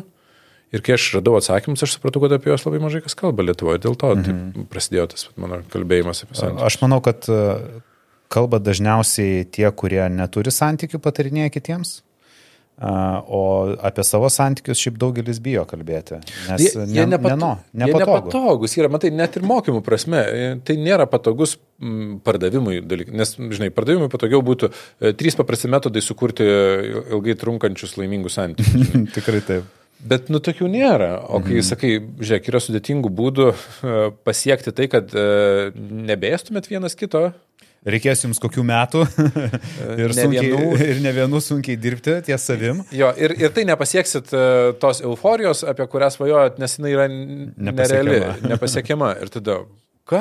Ta prasme, tai ten, ten, ten žada man fantaziją už uh, tik tris dalykai ir, ir jau, ir jau mhm. fantastiškai gyvensiu, o čia reikės iš tikrųjų dirbti. Nu, bet čia va, tas jau įsijungia kritinis mąstymas, žinai, o kas iš tikrųjų gali padėti o kas uh, tik tai žada. Žinai. Tai va tie dalykai, kurie iš tikrųjų padeda, jie nėra patogus girdėti. Aš esu klausęs Ošo guru. Taip. Ir jisai yra sakęs, kas yra tikra meilė. Tai Taip. yra trys lygiai Ir trečia yra, trečias lygis yra meilė. Tai pirmas lygis, kuomet a, poroje vienas yra super susižavėjęs, kitas ne. Nu tai palyginkime Taip. su Saulėlydžiu. Atvažiuoja Taip. žiūrėti Saulėlydžio, pirmas lygis, vienas žiūri į partnerį ir ten. Dieve, tu man esi svarbiausias, ten taip toliau, o kitas žiūri į Saulėlydį ir sako, pažiūrėk į Saulėlydį ir tu, ne, ne, tu kaip Saulėlydis, ten tu nuostabi ar nuostabus. Antras lygis, kai abu vienas kitų žavesi, tai mm. iš vis nemato saulėlydžio. Bet kažkada jie pamato saulėlydį ir tada supranta, kad yra platesnis gyvenimas negu vienas su kitu būti ir tada irgi ta meilė nesitęsia ilgai. O trečias lygis, kas yra meilė, tai kai abu atsisėda, žiūri saulėlydį ir baigus saulėlydžiui aptarė tai ir auga kartu. Tai yra, kad abu individualų žmonės turi kažkokius savo augimus ir tuo dalinasi. Ar tame yra tiesos? Nesu girdėjęs šitą apibūdimą, bet gražus, man patinka.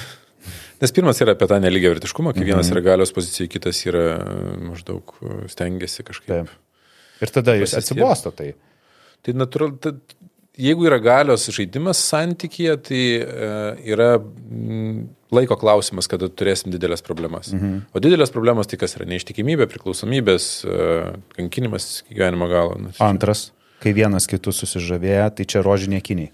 E, ir pirmas būna su rožiniais sakiniais. Nu, čia, žinai, ti- tiek pirmas, tiek antras gali būti su tais rožiniais sakiniais. Dėl- to antro aš ne, nesu tikras, ką jis turėjo menį, kai vienas kitų žavisi, nes uh, aš esu iš tokio psichologo girdėjęs labiau, kad, žinai, pirmi 20 metų sunku santykiuose, o po to pradeda lengvėti.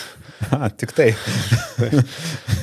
tai, uh, tai va klausai, kada ta tikra meilė, tai įvairių ten yra į 8 etapus, į 11 ten skirsto. Man patinka 3, nes yra lengva prisiminti. Yra e, pradžiai e, įsimylėjimo etapas, tai rožiniai kiniai, tada yra idealaus paveikslo grūtis ir tada mes einam link brandžios meilės. Ir kur yra ta brandi meilė, jeigu taip, va, žinai, sakytume, jūsų dovilė pasiekia brandžią meilę. E, Aš sakyčiau, ne, manau, kad mes einam link jos, aš, nu, aš manau, kad mes judam link jos, tik tai nuo, žinai, e, reikia suprasti, nuo kokio taško mes pradėjom ir kur, kur žinai, nukrito tie rožiniai kiniai, kada mes buvom jau gilioj dobėjai, ten išsidraskė ir bandė skirtis ir, ir po neištikimybę ir po visko, žinai. Tai toks...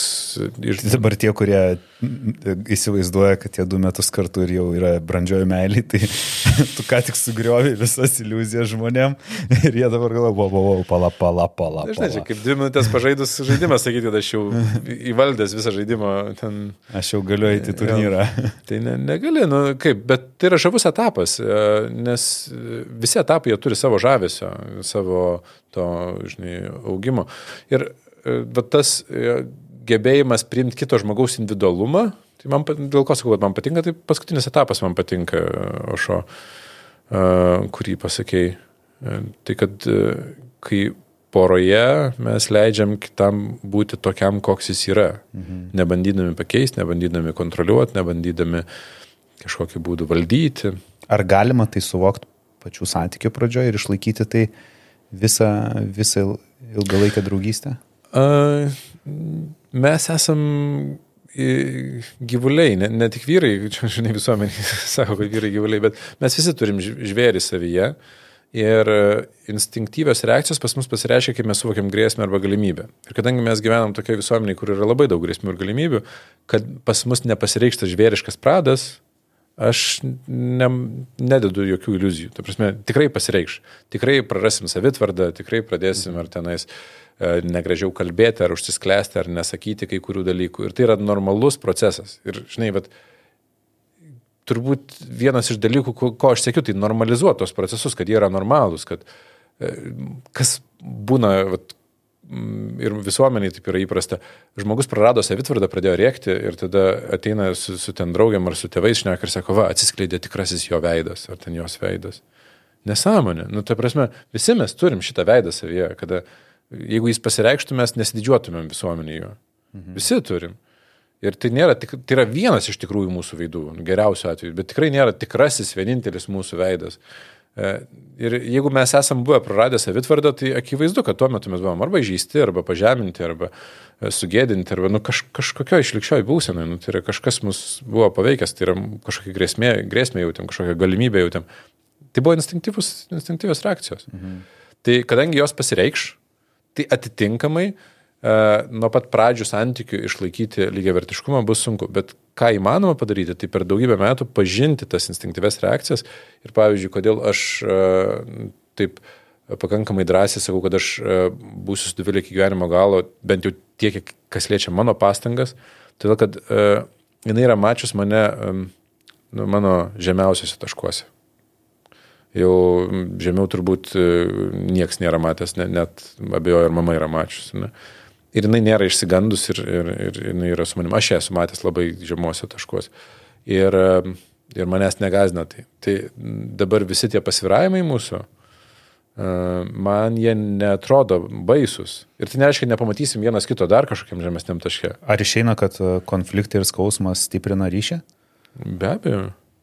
Tai reiškia, jų Išspręsti. nereikia. Išspręsti, tai reiškia, konfliktų bijot nereikia. Konfliktai yra neišvengiama dalis. Mhm. Mums reikia partnerio, su kuriuo mes norėtumėm konfliktuoti e, ir gebėtumėm spręsti tai konstruktyviai. Vat kodėl tie ekstremumai visuomenės e, yra sunkiai veikiami. Todėl, kad jie, e, nu, jeigu bent vienas iš asmenų yra visiškai ekstremalus kažkurioje dalyje, tam pavyzdžiui, nu, tam pagal kokius personality traits, žinai, išsireitinguoja, kad labai yra nu, agresyvus žmogus, ar ne? Nu, tai gaunasi, kad konflikte jisai ten paleidžia kumščius, ar jinai paleidžia. Nu, tai nu, neišeina spręsti to konflikto. Nu, tada dėl to yra labai sudėtinga, labai anksti ribas reikia prieš labai. Bet jeigu įmant tą visuomenės vidurinę dalį, nu, ta prasme, normalius, pavadinkim, vidutinius santykius, tai juose yra konfliktai, mes juos sprendžiam, išsprendę mes paaugam ir mes kitą kartą greičiau išspręsim tos konfliktus. Nes kas pasikeitė? Tai mes nėra taip, kad prieš ten dešimt metų su didelė konfliktavom, o dabar nebekonfliktuojam. Mes prieš dešimt metų konfliktavom ir dabar. Ir kai, kai kurios net temos nepasikeitė. Bet pasikeitė laikas, kiek mes laiko anksčiau, ten dvi dienas nekalbėdavom vienas su kitu ir, ten, ir dabar dešimt minučių užtenka, o kartais net ir kelių minučių grįžti ir atsiprašyti ir, ir, ir gyventi, žinai. O apie emocijas ir racionalumą. Vyr, vy, vyriška lytis jinai tokia racionali yra, žinai. Dažnai vyrai bando visą laiką. visada. Ne visada, bet daugumą atvejų. Vyrai bando pamokyti, žinai, ateina moteris, pasakojasi, ką nors, jis visą laiką nori paaiškinti, pamokyti, duoti sprendimą iš karto. Taip. Kaip mes vyrai, žinai, tarpusavį vienas kitam sprendimus duoda, mums tai patinka, mums, man, mums atrodo, kad ir moteris to patys laukia. Moteris emocingos, jos viską reaguoja a, su emocija, bet kokia atveju, nu, dauguma jų. Ane? Ir daug, a, daug vyrų, aš bent jau kiek bendrauju su pažįstamais, jie šito nesupranta. Ir merginos kartais irgi sako, nu tai aš jam ten, aš buvau pagalvojus, aš jam užuomeną daviau, jisai nesuprato. Kaip porom šitam dalykė sutar, gal tu turi aiškių tokių patarimų arba situacijų, kurios yra banalios, bet labai dažnai pasitaikančios. Nu, tarkim, vien- viena iš jų. Moteris pastato vyrui grįžtančiam iš darbo maišą šiukšlių prie durų, jisai atsidarė duris, įėjo namo ir viskas. Ir jis sako, šiukšlius išmetė, vyras sako, kokias? Aš pastačiau, aš nemačiau. Taip. Kaip tu nematėjai? ir panašiai, žinai. Klasika. Taip, nu vad klasika. Kokios dar yra situacijos, kurios atrodytų klasika banalios, bet dėl jų vyksta šiaip labai daug konfliktų, kurie dažnai virsta nu į didelius dalykus. E, Bet tai, ką tu mini dabar, yra instinktyvūs uh, skirtumai. Jie net, jie net nėra uh, asmenybiniai skirtumai. Mhm. Ir um, dėl to aš taip vis bandžiau stabdyti, kad ne visi, ne visi vyrai, ne visos moteris, čia priklauso nuo to, kokiame instinkte esame. Nes gali būti ir moteris visiškai labai logiškai mąstyti, ir vyras lygiai taip pat labai emocingai gali reaguoti, jeigu jis bus rinkimo instinktuose. Čia yra priklauso nuo, mhm. nuo instinktyvių reakcijų. Ir mano, žinai, um, pro, protui labai padėjo ir aš matau, kad žmonėms padeda, kai jie suvokia priežastis to. Ir uh, dažnai žmonės, žinai, sako, tai, nu, ten, pavyzdžiui, vyras Tina, negali, neįmanoma suprasti tų moterų, jos ten masto nelogiškai. Tai jeigu tu vertini tik tai pagal tą nedidelę dalį informacijos, kurią tu turi, tai taip, nelogiškai, bet jeigu paimi platesnį kontekstą, viskas sustoja savo vietas. Nu, paimkim situaciją apie logiką ir emocijas ir po to kelis pavyzdžius pa- pasakysiu. Uh, Prieš šimtus tūkstančių metų, kai mes gyvenom medžiotojų rinkėjų visuomeniai, tai yra buvo uh, urviniai vyrai ir urvinės moteris, tai urviniai vyrai išeidavo į medžioklę ir i, kad ir kaip beskambėtų, atrodo, kad jie buvo fiziškai didesni, stipresni, tai nu, dėl to jie eidavo į medžioklę, kad atrodo, kad jie galios pozicijoje buvo. Bet tais laikais bent jau antropologai teigia, kad e, visuomenė buvo lygiai vertiškesnė nei yra dabar. Nes užduotis buvo paskirstomas ne pagal tai, kad aš stipresnis ir tu darysi, o pagal tai, kas ką geriau geba daryti, tiesiog elementariai. Ir kadangi nu, stipresnis fiziškai didesnis eini medžiot, tavo gyvybė mažai verta, nes nieko tu nesupranti apie žolelės ir uogas, tai varyk medžiot, grįši, tai parneši. Ne? Nu ir išeina medžiot. Ir tam, kad urvinis vyras išeitų medžiot, jo uh, pasirinkimas turėjo būti paremtas logika, o ne emocijomis. Nes tu įsivaizduok, emociškai palikti vaiką, palikti ar ten vaiką, vaikus, palikti gentį, palikti šiltą guolį ir išeiti į nežinę, kur tu nežinai ar grįši, emociškai yra beprotiškai sudėtinga. Tu greičiausiai neįsi. Liksi urve. Logiškai tu gali išeiti, vaikam reikia valgyti, mm. išeinu, parnešiu, nu, nepar, negryšiu, tai e, taip jau buvo su, sugalvota. Tuo tarpu likę žmonės rinkimų instinktuose, tai yra vaikai, urvinės moteris, jos ir jie eidavo rinkti, rinkti uogų, rinkti gerybių, rinkti žolelių ir taip toliau. Ir jų išgyvenimas priklausė nuo to, ar jie yra grupėje ar ne. Iki šiol žinduoliams yra, kad stiprus žinduoliai, jie nepuola grupių, nes yra per pavojinga. Puola tik atskilusius po vieną. Ir kai tu esi grupėje, tavo išgyvenimas priklauso ne nuo logikos, o nuo emocinių kompetencijų. Ar tavęs neatstumė grupė? Tai yra, ar tu vis dar patinki grupiai? Ar vis dar tave vertina? Ar tu esi mėgstamas grupiai? Ir taip toliau. Ir jeigu tavęs pradeda nemėgti, tu turi gebėti patikti, kad tavęs nepaliktų vieno laukia. Supranti logiką? Ir tai išsivystė ir visi šitie dalykai yra išlikę iki šių dienų ir jie pas mus užkoduotis, nežinau ar smegenys ar kur čia jau ne mano kompetencijos, bet mes iš principo juos prilyginam gyvybės ir mirties klausimams. Ir dėl to gaunasi, kad rinkimų instinktuose esantis žmogus sprendimus priiminėja remdamasis emocijomis, nes tai buvo išgyvenimo klausimas. E, medžioklės instinktuose esantis žmogus priiminėja logiką remdamasis, nes tai yra išgyvenimo klausimas. Ir jie tarpusavį negali susikalbėti natūraliai. Nes jiem istoriškai nereikėjo kalbėtis. Kai jie išeina medžioti, jiems nereikėjo kalbėtis su, su tais, kurie yra olo ir, ir atvirkščiai. Nu, tai yra, buvo ženkliai paprastesnis uh, suskirstimas. Dabar viskas yra kiek kitaip, žinai. Ir instinktai nėra pritaikyti 20, 21 amžiui. Ir mes visiškai kitaip reaguojam. Ir nu vienas toks klasikinių, bet jokingų pavyzdžių, uh, kur auditorijos tai visą laiką juokiasi, žinai. Mm, kadangi mes remiamės, būdami medžioklės instinktuose, logiką, kaip tu sakai, vyrai, nu, jie dažniau būna logikui. Tai vyrui pagirimas, kad tu pakankamai aprūpini šeimą, yra vienas e, laukiamiausių pagirimų, kokio jisai norėtų. Kad tu pakankamai aprūpini šeimą. Ir moteris ne visai, nu, dažnu atveju vėl sakysiu, nes ne visas, bet sunkiai gali suvokti, kaip gali toks pagirimas, kad tu pakankamai aprūpini šeimą, būti labai, nu, viduje reikalingas. Kodėl? Todėl, kad jeigu tu pabandytum moterį, kuri pasipošė į vakarėlį, pasakytų pakankamai gražiai atrodai, tai įsivaizduojant. Ant... Į vakarėlį eitumėt vieną arba neišeitumėt. ir, ir jau ten, ir čia yra instinktyvūs skirtumai. Čia nėra, e, ir čia sako, oi, tu neišauklėtas, čia yra instinktyvūs skirtumai. Kodėl? Todėl, kad jai reikia pasakyti, kad tu atrodai gražiausiai. Kodėl? Nes prieš šimtus tūkstančių metų, vėl grįžkime atgal, rinkimo instinktuose esantis žmogus stengdavosi būti geriausias, gražiausias, nes jeigu reikės gelbėt, gelbės ne tą, kuris pakankamai gerai renka uogas. Kuris geriausias. Tas, kuris geriausiai. Jeigu gelbės, tai ne tą, kuris pakankamai gražiai atrodo, o tas, kuris gražiausiai atrodo. Ne tas, kuris pakankamai gera mama, o ta, kuri yra geriausia mama. Supranti logiką? Mhm. Ir rinkimo instinktuose tu e, e, remiesi emocijomis. Ir tos emocijos turi geležinę logiką, kai mes suprantam kontekstą. O kodėl vyras tada negali priimti mm, komplimento, kad tu esi geriausias vyras pasaulyje? Todėl, kad mes logiškai suprantam, kad tai yra melas. Nes jeigu sako, tu geriausiai aprūpini šeimą, rimtai, tai prasme, žinau žmonių, kurie daugiau už mane uždirba. Ženkliai daugiau už mane uždirba, jo, geriausiai. Ne? Aš, aš, aš negaliu priimti tokio komplimento, nes jis yra melas. Mm -hmm. Nes tai yra netiesa. Man užtenka komplimento, kad tu pakankamai aprūpini šeimą. Ir man tai yra, ir va čia yra skirtumas tarp logikos ir emocijų.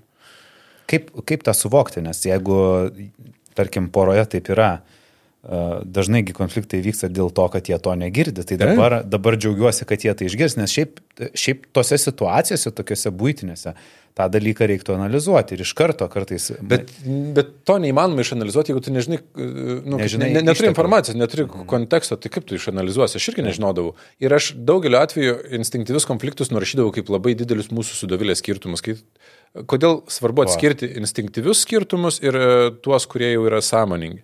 Todėl, kad instinkti, instinktų mes, nu, bent jau nežinau, būdų pakeisti, mes negalim pakeisti. Ir, e, žinai, čia tik tai emocinės brandos klausimas. Nu, mano vaikai, pavyzdžiui, atsikėlė ten iš ryto, būna, sako, išjung saulę. Nu, aš, žinai, suprantu jų norą, bet aš neišjungsiu saulės, nes tai yra nepakeičiama.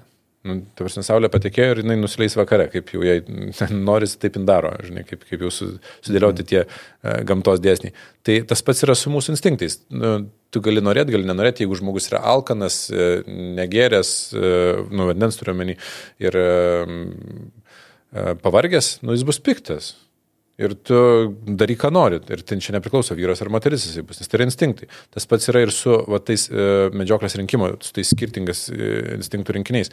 Ir juos pažinti tiesiog reikia. Ir aš... Nu, Grįžtam prie to paties. Prie to paties. Turi santykius, reikia pradėti domėtis. Jeigu Nuo nori, kad santykiai vysty. Žiūrėk, pusė santykių išyra. Skirybos. Išlikusių pusės didžioji dalis e, yra nelaimingi santykiai. Yra labai nedidelis procentas skaičiuojama iki 5 procentų pavykusių santykių. Tai mes esam, žinai, vat, tam žaidime, kur pavyksta 5 procentams. Wow. Ir atrodo, tai, mm, tai kaip čia padaryti? Be pastangų, rimtai, ta prasme, aš netyčia, uh, man gausis. Loterija. Aš, nesu, aš, aš sąmoningai ieškau pavykusių porų. Tai yra porų, kuriam pavyko sukurti. Aš nesu matęs nei vienos poros, kuri nebūtų turėjusi santykių krizės arba kelių krizių. Nesu matęs. Aš esu matęs tokių, kurie turi tokius santykius, bet jie yra išgyvenę vieną arba kelias krizės, išsisprendę klausimus ir per tas krizės įgavę išminties ir gebantys spręsti. Ir dažniausiai krizės juos sukrėtė ir pradėjo privertė domėtis. Tai tam, kad mes būtumėm pasiruošę krizį ir kad krizė neišardytų mūsų santykių, Tai mes pradedam kurti santykius, mums uh, reikia surasti mums priimtiną būdą mokytis. Ir aš nesakau, ateikit ten į mokymus būtinai uh, ten pas mane ar dar kažkur. Nu, suraskit savo priimtiną būdą. Tie primtini būdai gali būti, uh, vieni ten skaito knygas, kiti mėgsta kažkokius podkastus, kiti uh, galbūt eina į ten bendras keliones, į kažkokius iššūkius ir kartu tokiu būdu sprendžiasi. Nu, kažkokiu būdu suraskit savo priimtiną būdą, kaip uh, ugdyti savo emocinę brandą tame kelyje santykiuose ir kaip prieis krizės laikotarpis, nu, kad rastumėt, kur atsiremti ir išspręsti. Ir tada jau judėsim link tos brandžios meilės, apie kurią ir Ošo tikiuosi, kad apie ją rašė. Tai kiek čia reikia e, metų, kad patekti į tuos 5 procentus? Nežinau. Į, į tuos, kurie išlaiko santykius. Nu, sakau, kai kurie psichologai atėjo 20 plus metų, Aha. bet uh, Bet tai kaip graudu klausyk, jeigu taip yra. ne, O kiek technologijos neigiamai prisidėjo prie to? Ar technologijos iš esmės turi nei- neigiamos įtakos, ar teigiamos įtakos santykiams? Nes aš Ir kažkaip jau tos užduodamas turi. klausimą. Jo, tu- tu bandei- Aš jau taip abejoju, pas, žinai, iš to, ką girdžiu, net abejoju sakyti, kad turi teigiamas, jo. nes man atrodo, su socialiniu tinklu atsiradimu, su tuo pasirinkimu, su tuo visų fake gyvenimo matymu, iliuzija ir taip toliau, mus tik blogina, tik blogina santykius. ir teigiamas, ir neigiamas suteikia. Nu, pagalvok, tarkim, prieš kažkiek metų uh, susirasti uh, antrą pusę susimečinti kokiam tinderiui, tu neturėjai jokių šansų. Ne? Nu, Dėl šito aš sutinku. Ir- Teigiama pusė tai, kad tu gali sutikti tuos žmonės, kurių galbūt niekada nesutiktum. Taip. Ir tai yra to žavioji pusė. Ir tikrai, tikrai mes turėjome laidą prieš tai, kurioje psichologė Genovaitė Petroninė mhm. pasako apie tai, kaip susi, susirasti ir sukurti, kaip susirasti meilę ir sukurti Tinderio profilį, surasti tikrai meilę. Mhm. Tai visą gydą turim, kviečiam pasižiūrėti. Aš nemačiau, bet, pa- bet, bet, bet pažiūrėkit. Taip, tai, tai tikrai atveria didelės galimybės, bet tuo pačiu, Bet tuo pačiu turi apskritai, žinai, nu, nežinau, kiek čia mes galim dypinti, bet pasaulyje panašu, kad nėra dalykų, kurie e, būtų sukurti arba kuriuos mes padarytumėm ir kurie turėtų tik neigiamas ir neturėtų teigiamų pasiekmių, arba turėtų tik teigiamas ir neturėtų neigiamų pasiekmių. Panašu, kad viskas yra pakankamai pusiausvyrė. Jeigu mes sukuriam kažką teigiamo, tame atsiranda ir neigiamos pasiekmes automatiškai. Tik tai apie jas ne, ne iš karto mes matom. E, Ir kol nematom, tai e, gyvenam galvodami, kad va čia jau naujas tobulas dalykas sukurtas, kaip ir santykiai. Mes būnam įsimylėjimo periode su ta technologija, mhm. po to nukrinta rožinė akiniai, pamatom realybę ir po to sugebam įeiti į brandų gyvenimą su ta technologija ir um, tam tikras apsaugas susidėlioti, kad, kad nedarytumėm ir išmokti su to Tinderio galų gale profilį sukurti, kad e, nepritrauktumėm žmonių, kurie nori pasinaudoti mumis ar, ar ten kažkaip kitaip e, sužaloti. Tai problema didžioji, kurią tikrai ryškiai dabar mato visi su socialiniam medijom, tai yra pasirinkimo kiekis. Pasirinkimo kiekis sukuria uh, stresą žmogui. Milžiniškai. Ir mes nuolatos esam klausime, ar čia jau tas vienintelis ar ta vienintelė. O bus nepopuliarus, bet kuris žmogus, su kuriuo jūs jau bat, pabendraujat, turit emocinę trauką, turit uh, kažkokį, žinai, ryšį, ne, ne tas, kur ten vieną pasimatymą buvai, nes tai gal tikrai yra labai daug skirtumų ir nu, ten tikrai bus sunkus labai kelias, bet, bet jau nu, pabendravai, gali būti tas, su kuriuo sukursit brandų ryšį, arba bent jau išmoksit kurti tokį. Mhm. Nu, tai yra per tos iššūkius. Per... Ar tu nori pasakyti, kad realiai mes galime sukurti a, santyki ir brandžią meilę su... Su bet kuo? Su bet kuo? Taip, jeigu išimsim ekstremum. Nice. Ne, aš ekstrem, net ir dėl ekstremumų nesu tikras, gal ir su jais galima tik tai pastangų kiekis yra tiek milžiniškas, kad... Bet tai nereiškia, kad mes galim uh, užtikrinti, kad uh, jie irgi tą patį darys. Nes kai mes augam uh, santykiuose, tai antra pusė būna irgi priversta aukti. Nusivaizduok, jeigu mes buvom... Ryškiausi tie pavyzdžiai, ga, ga, galios disproporcija yra, kada vienas yra galios pozicijoje, kitas yra nuolatos pataikaujantis. Tas pataikaujantis sako, aš nebenoriu būti pataikaujantis, aš noriu lygiai verčio ryšio. Tai mes buvom taip ir aš sako, aš noriu lygiai verčio ryšio ir brėžiu ribas tau. Tai arba tas žmogus uh, sutiks su tuo ir mokysis uh, išbūti lygiai verčiam santykį, kas nėra taip lengva, nes jeigu jis nuolatos buvo galios pozicijoje, dažniausiai jis tokiu būdu saugodavosi nuo savo um, nepilnavertiškumo, bandydamas kompensuoti jį gale. Ir arba jisai mokysis, arba jisai atsitrauks iš santykių ir ieškos e, kažkur lengvesnio kelio. Ja, nu, tai, ta, prasme, ta, ta pati vidurio amžiaus krizė vyrų. Nu, tai, kodėl vidurio amžiaus krizėje vyrai ieško e, jaunos panelės kažkokios? E, atrodo dėl to, kad mm, gražesnė jaunesnė oda ar ten dar kažkas? Ne, todėl kad su jaunesnė panelė tu uh, gali jaustis, kad tu esi galios e, pozicijoje, tau yra nu, lengva būti. Dažnu atveju, tai nėra visi mm. atvejai, bet, bet dažnu atveju tai yra tiesiog lengvesnis kelias.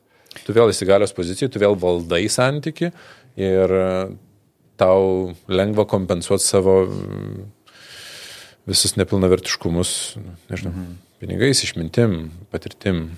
Jeigu prakalbam apie tai, ne, ir dažniausiai tada viduriaus amžių krizę ir greičiausiai pasirenka tą jaunesnę partnerę, tai reiškia įvyko skirybos. Kaip, kaip duoti papildomą šansą? Ar iš viso duoti papildomą šansą? Aišku, tu sakysi duoti papildomą šansą. tu duosi, tu, duo, tu, tu davėjai ir, nepauk, tau davė papildomą šansą. Ir, ir aš daviau, ir man davė. Ir tau davė, bet jeigu duodi papildomą šansą po skaudžių skirybų arba labai didelių įskaudinimų, Ar tai nėra tos mens savivertės kažkoks pažeminimas? Kad, dav, kad davai šansą? Taip. Vat kaip, kaip, kaip suvokti, kad tai nėra, kad tai nekerta per savivertę, jog tu duodi šansą žmogui pabandyti iš naujo? Tavo, prieikim prie savivertės apibrėžimo. Savivertė yra gebėjimas vertinti save nepriklausomai nuo to, ką kiti masto apie mane arba kaip kiti vertina mane. Ne? Savivertė, nu, tai yra savęs vertinimas. Mhm. Tai savivertė nepriklauso nuo to, kiek aš šansų kam daviau e, ir ar nedaviau, žinai. E, čia tik visuomenės akise mes galim, žinai, save matuoti, kaip čia viskas. Bet vyksta. labai dažnas pagal Matuoja, visuomenės taip. akis ir matuojasi savo savivertę. Taip, taip. Uh, kai tu sakai, tu būsi tas, kur sakysi, kad reikia duoti šansą. uh, aš būsiu tas, kur sakysiu, kad e, reikia mokytis atkurti santyki su tuo žmogum, nepriklausomai nuo, nuo to, kas įvyko. Ar buvo neištikimybė, ar ten kažkur išėjo, ar ne. Nes e, jeigu, nu, ne, nu paimkim, čia tik vienas iš pavyzdžių, čia tikrai nėra vienintelis scenarius, kuris įmanomas, jeigu ten klausys žiūrovai, bet, e, bet jau kadangi analizavom, tai buvo lengva pratesti tarkim, moteris yra nuolatos bandanti įtikti patikti, vyras yra galios pozicijai, pinigais, ten, nu, imkim klasikinį variantą, vidurio amžiaus krizė, jisai išeina ten susiranda kažkokią kitą jaunesnę ir po to supranta, kad mm, ne, nieko čia geriau nebuvo, čia tik tai buvo iliuzija, ar ne? Ir tarkim, ar duoti antrą šansą ar neduoti. Tai yra tik vienintelis scenarius, daugybė kitų įmanomų scenarių. Tai reikia suprasti, kad tam, kad įvyktų šita neištikimybė arba tas pabėgimas, tai santykis jau turėjo būti blogas, o jis blogas buvo todėl, kad e, ne tik tai šitas buvo nuolatos galios pozicijoje ir žemino, bet ir šitas žmogus nuolatos nebrėžė ribų. Mhm. Visada yra abipusė atsakomybė.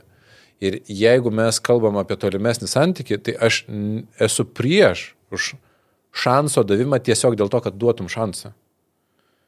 Nu maždaug nieko nekeičiam, ateik duosiu šansą kitą pabandyti. Nieko nesigaus. Ko mums reikia, tai mums reikia mokytis kurti santykių iš naujo su labai aiškiu apsibrėžimu, kad aš nežinau, ar mums pavyks. Čia nėra šansas, kad, kad tu ateik ir dabar pastaisysim. Kad žiūrėk, pabandom, aš nebebūsiu tokiam pačiam santykėje, aš mokau užsibriežti ribas, aš noriu lygiavertės partnerystės, jeigu tau tinka, bandom kurti santykį. Ir kas yra gerai tokiam santykiui, tai pirmas dalykas, jeigu yra vaikų ir kitų dalykų, tai nu, tiesiog jiems yra e, labai vertinga, kad jie mato, kad tėvai geba atkurti santykį, jeigu jie, žinai, atkuria. Net jeigu išsiskyrė, jie sugeba atkurti santykį ir nebeėsti vienas kito. Mm, jau yra didžiulis dalykas. Bet antras dalykas, mes pažįstam tą partnerį, pažįstam 10-20 metų.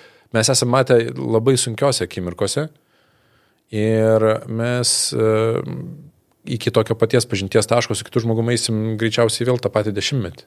Mhm.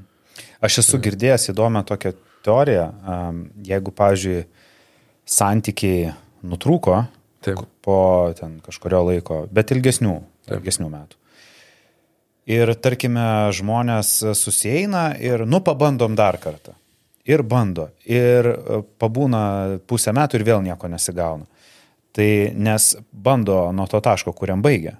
Nes jeigu žmonės ėjo liniją mm. ir pasuko skirtingais keliais, jie sustinka jau visai dar kitokie žmonės ir tada susieiti vėl tam pačiam taške, dėl kurio jie jau išsiskyrė, nu, yra nelogiška. Tai teorija yra tokia, kad grįžti į pačią pradžią ir vyrui vėl pradėti a, kviesti į pasimatymus, a, e, pažinti savo a, partnerę iš naujo, a, kokios jisai nepažino ir a, dirbti ties santykiais nuo pat pradžių, kad jie auktų iš naujo. Aš, aš šiaip sakyčiau, kad mm, būčiau nelinkęs į išvedžiojimus, nes uh, kai sueina du žmonės, E, yra labai individualus problemų rinkinys, kuris privertė juos išsiskirti. Mhm. Ir labai aiškiai reikia identifikuoti, kas įvyko. Nu, dėl to aš sakau, aš strategas, aš ne, aš ne psichologas, aš ne, ne, nebandau išklausyti žmonių ar ten kaip, e, žinai, kaip ten kas jaučiasi. Aš strategiškai noriu pasižiūrėti, kokios problemos išskyrė, e, kas privedė prie tų problemų. Ir jeigu mes pašalinam priežastis, E, tai yra tikimybė, kad tas problemas išspręsti. Jeigu priežastys yra nepašalintos, tai mm, kad ir ką mes ten bandysim lipdyti, kviesti pasimatymus, nekviesti, ten nieko nesigaus. Gerai, bet uh, vėlgi mes kalbam apie kalbėjimą. Priežastis nebūtinai kalbėjimas. Ir, bet vis tiek, nu, tu turi kažkaip tas priežastis įsiaiškinti.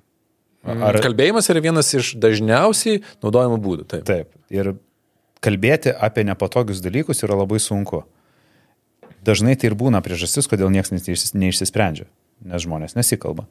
Bet visi girdė šitą, kad reikia kalbėtis, reikia kalbėtis. Ir ką besutiktum, ypač dabar, kai jau ten pilna rylsų Instagram'e, jau tų čia podcastų ir šitas podcastas visi, uh, you need to talk.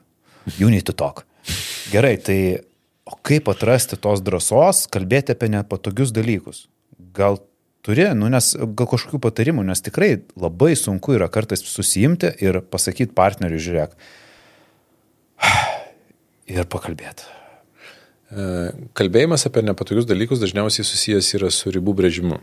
Tai yra mes turim, nu, nes nepatogus tai reiškia, kad mes norim kažkokio pokyčio greičiausiai. Ne? Mhm.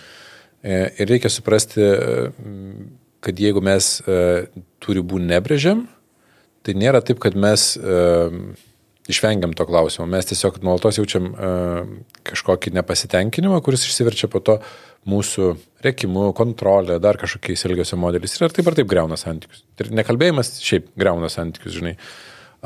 Ir tada iš karto pultimti ir apie tas ribas kalbėti. Irgi yra problema. Vat norėjau sakyti, nes, nes taip iš karto ateisi, žiūrėk, dabar nuo šiol taip. Ir, ir, ar čia reikia nubrėžti taip ribą ar kompromiso ieškoti? Tai Pirmiausia, nu, ką, ką aš darau su žmonėmis, kurie aš matau, kad, pavyzdžiui, nekalba ir ne, nebrėžia ribų. Nu, tai, yra, tai greičiausiai jie turi kažkokią baimę kalbėti apie tas ribas. Tai pradėti mokytis nuo mažų žingsnelių. Nu, angliškai tas geras žodis baby steps yra. Tai yra pasiemi ribą, kuri yra paprastesnė, ne ta, kur labai nepatogi, Ir apie ją pradedi mokytis kalbėtis su antra pusė. Kad išmoktumėm mechaniką, kaip viskas vyksta. Kad suprastumėm, kad kai kalbame apie ribas, sukelsim antros pusės pasipriešinimą ir nepasitenkinimą. Ir tai yra normalu. Nes apie ribas kalbėdamas, jeigu tu kalbė apie ribas ir nesukeli nepasitenkinimą, tai tu apie ribas nekalbėjai greičiausiai. Mhm. O tiesiog bandai kažkaip išlaviruoti. Kokie tai būtų baby stepsai pavyzdžiai, pavyzdžiui? Nu, Kas kla, galėtų- nu, klasika, tikrai turės auditorijoje šitų bėdų, nes du iš trijų dabar atėję pas mane turi šitą bėdą. Uh, sako, noriu pasikalbėti su antra pusė, kada neskrolina telefone. Ir uh, problema, nes neišeina, sako, tu pasakok ir pasiemęs ten telefoną, žinai, ar pasiemęs telefoną. Ir Aš kai- girdžiu, aš, ašgi girdžiu. Taip, taip, aš viską girdžiu. Pa, Va, pasakok, gi galiu pakartot. Taip. Aš viską girdėjau, tu pasako. Ir tuo metu, žinai, dar net garsiai įsijungia, būna ten tik to, ką, žinai, skrolina. Ir kaip nubrėžti ribą? Tai pirmas dalykas, mes turim turėti komunikacijos fazę, mes turim iškomunikuoti, kad man yra nepriimtina, bet ta riba negali būti. Tu niekada su manim negali turėti telefono ir ten skrolinti, nors pats irgi skrolini. Nu, taip, nu, nesąmonė. Tam, tai pavyzdžiui, riba gali būti labai aiški, kad aš norėčiau, kad tu neskrolintum telefone, kai mes kalbam rimtom temom, pavyzdžiui, apie vaikų auklėjimą. Nu, ten iš darželio ar ten iš mokyklos parėjau ten kažkokią informaciją ir aš noriu pakalbėti. Ir tai reiškia, kad e, aš iki šiol nekreipdavau dėmesio, bet aš dabar ne, netęsiu pokalbio, jeigu aš matysiu, kad tu skrolini telefone. Nu, tai iš, iškomunikuoji tą iš anksto. Tuo metu, kai abu esat, čia labai svarbus faktorius, ramus. Kada abu esat išsimiegoję, pailsėjat. Ir čia yra problema, nes kai kurios poros turi daug lėtinių problemų ir jie niekada neturi tokių pokalbių, kurie yra sąmoningi, kada abu yra ramus. Ir tada mes neturim net fazės, kada galim iškomunikuoti. Nu, bet surangatam, tarkim, momentą, kada maksimaliai ramus ir laimingi, kokie galim būti. Iškomunikuojam. Nu, ir tada ateina momentas, kada aš turiu pakalbėti apie vaikų auklėjimą, kažką ten iš darželio parsinešu kažkokią informaciją ir man reikia pasakyti. Ir man reikia pasakyti antrai pusiai, kad, kad neskrolintų tuo metu. Aš neturiu tos problemos su Davilė, bet e, imsiu ją kaip pavyzdį, žinai. Ir aš matau, kad, tarkim, antra pusė, vadovėlė skrolina telefone ir man reikia pakalbėti. Tai kaip ribos brėžimas skamba?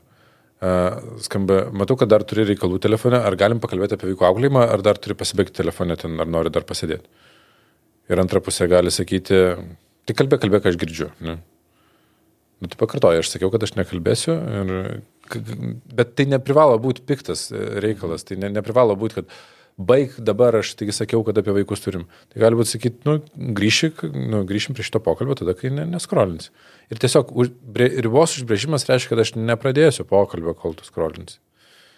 Ir, nu, jeigu matom, kad niekaip neišeina, o tema jau artėja link ribos, kada mums reikia pakalbėti, tai kitą kartą grįžčiau apie tai pakalbėti. Štai ta blogoji technologijų pusė, ką tik viena iš jų. Ji neegzistuoja, taip. Taip. Ir galų galėtų, ir mokaisi ant tokio paprasto dalyko. Tik, Okay. Kokie dar paprasti šiaip Tik labai kai kam, įdomu. kai kam tai nebus paprasta, kai kam tai bus labai jautru emociškai mhm. ir tai negali būti laikoma tada paprastų sprendimų, nu, ta prasme, paprasta riba.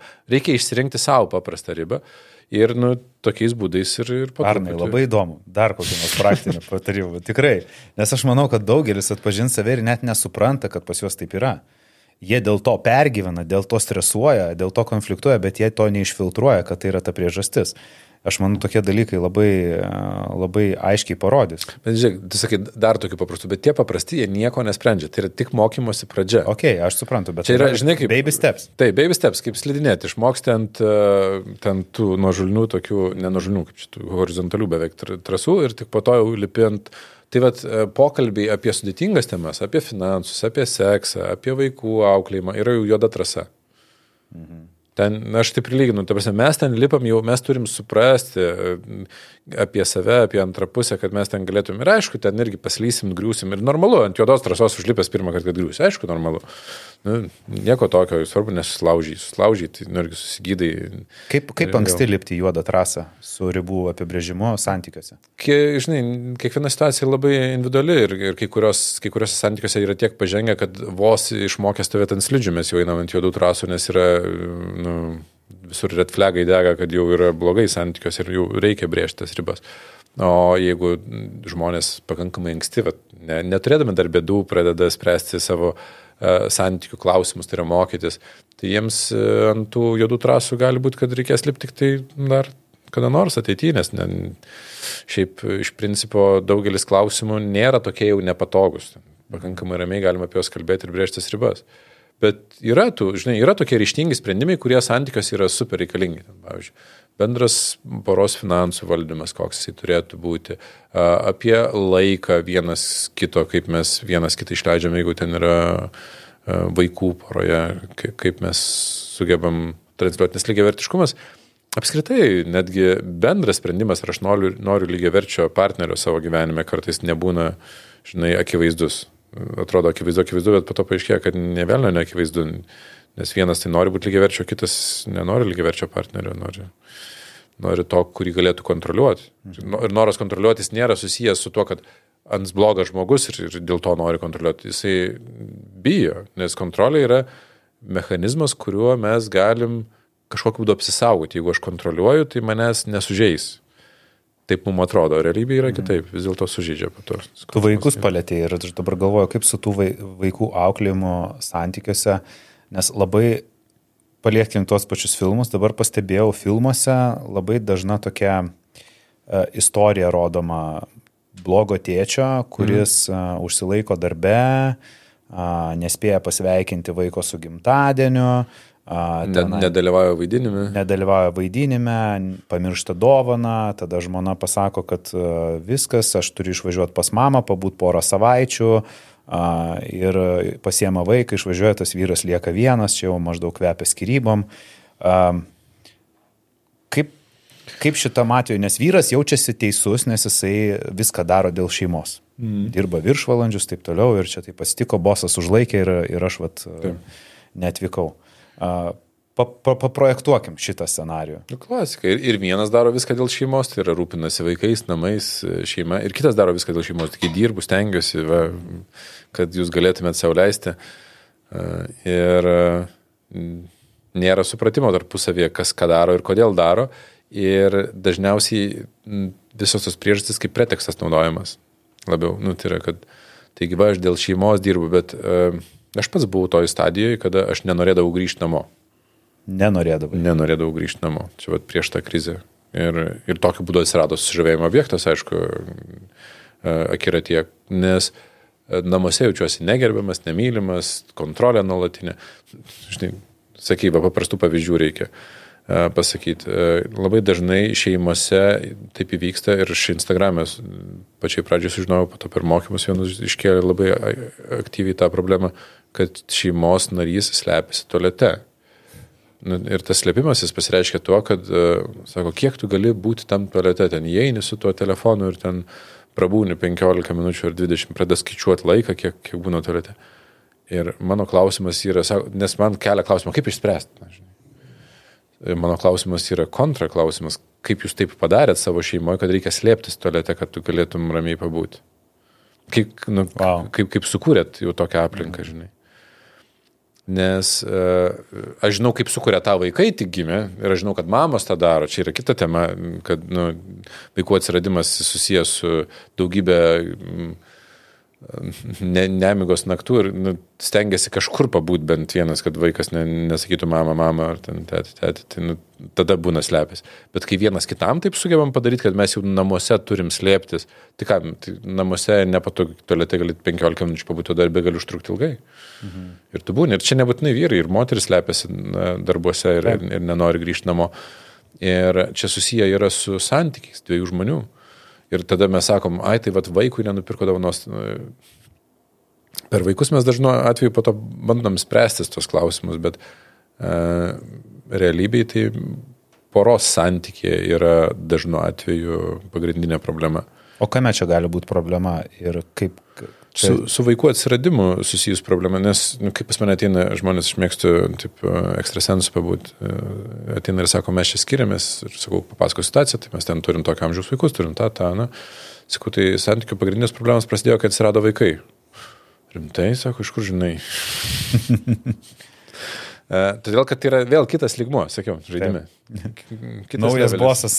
ir jeigu galėjom ignoruoti kažkurias problemas, po to staiga nebegalim ignoruoti. Mhm. Ir e, mes e, vietoj to, kad kurtum lygiai vertį santykių, mes pradedam dar baisiau daryti. Mes vaiko poreikius iškeliam aukščiau nei savo, kas mano galva yra įdinga. Ir, Bet čia labai dažnas atvejis. Dažnas, kai, dažnas. Labai lengva tą daryti, aš turiu vaikų, labai lengva tą daryti. Tikrai labai lengva iškelti vaiko poreikius aukščiau savo. O kaip, kaip, tai, kaip tai sugražinti? Aš, aš, aš, Bet, žiūrėk, problema su santykiais pasidaro, nes jeigu aš vaiko, san, vaiko poreikius iškeliu aukščiau nei savo, tai uh, kažkieno poreikius uždaroji sistemoje aš turiu nužeminti. Tai yra arba savo poreikius, arba antros pusės. Ir jeigu yra dar pora, tai dažniausiai lengviau antros pusės nužeminti. Nes yra- biški visi savanavo- savanaudžiai.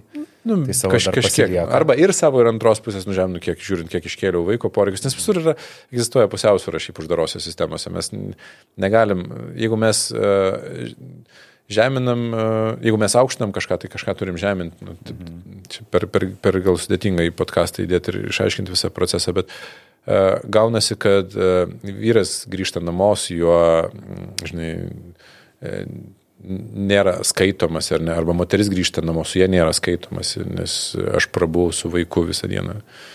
Tai mes, Jeigu... jeigu... Čia tik namie buvai.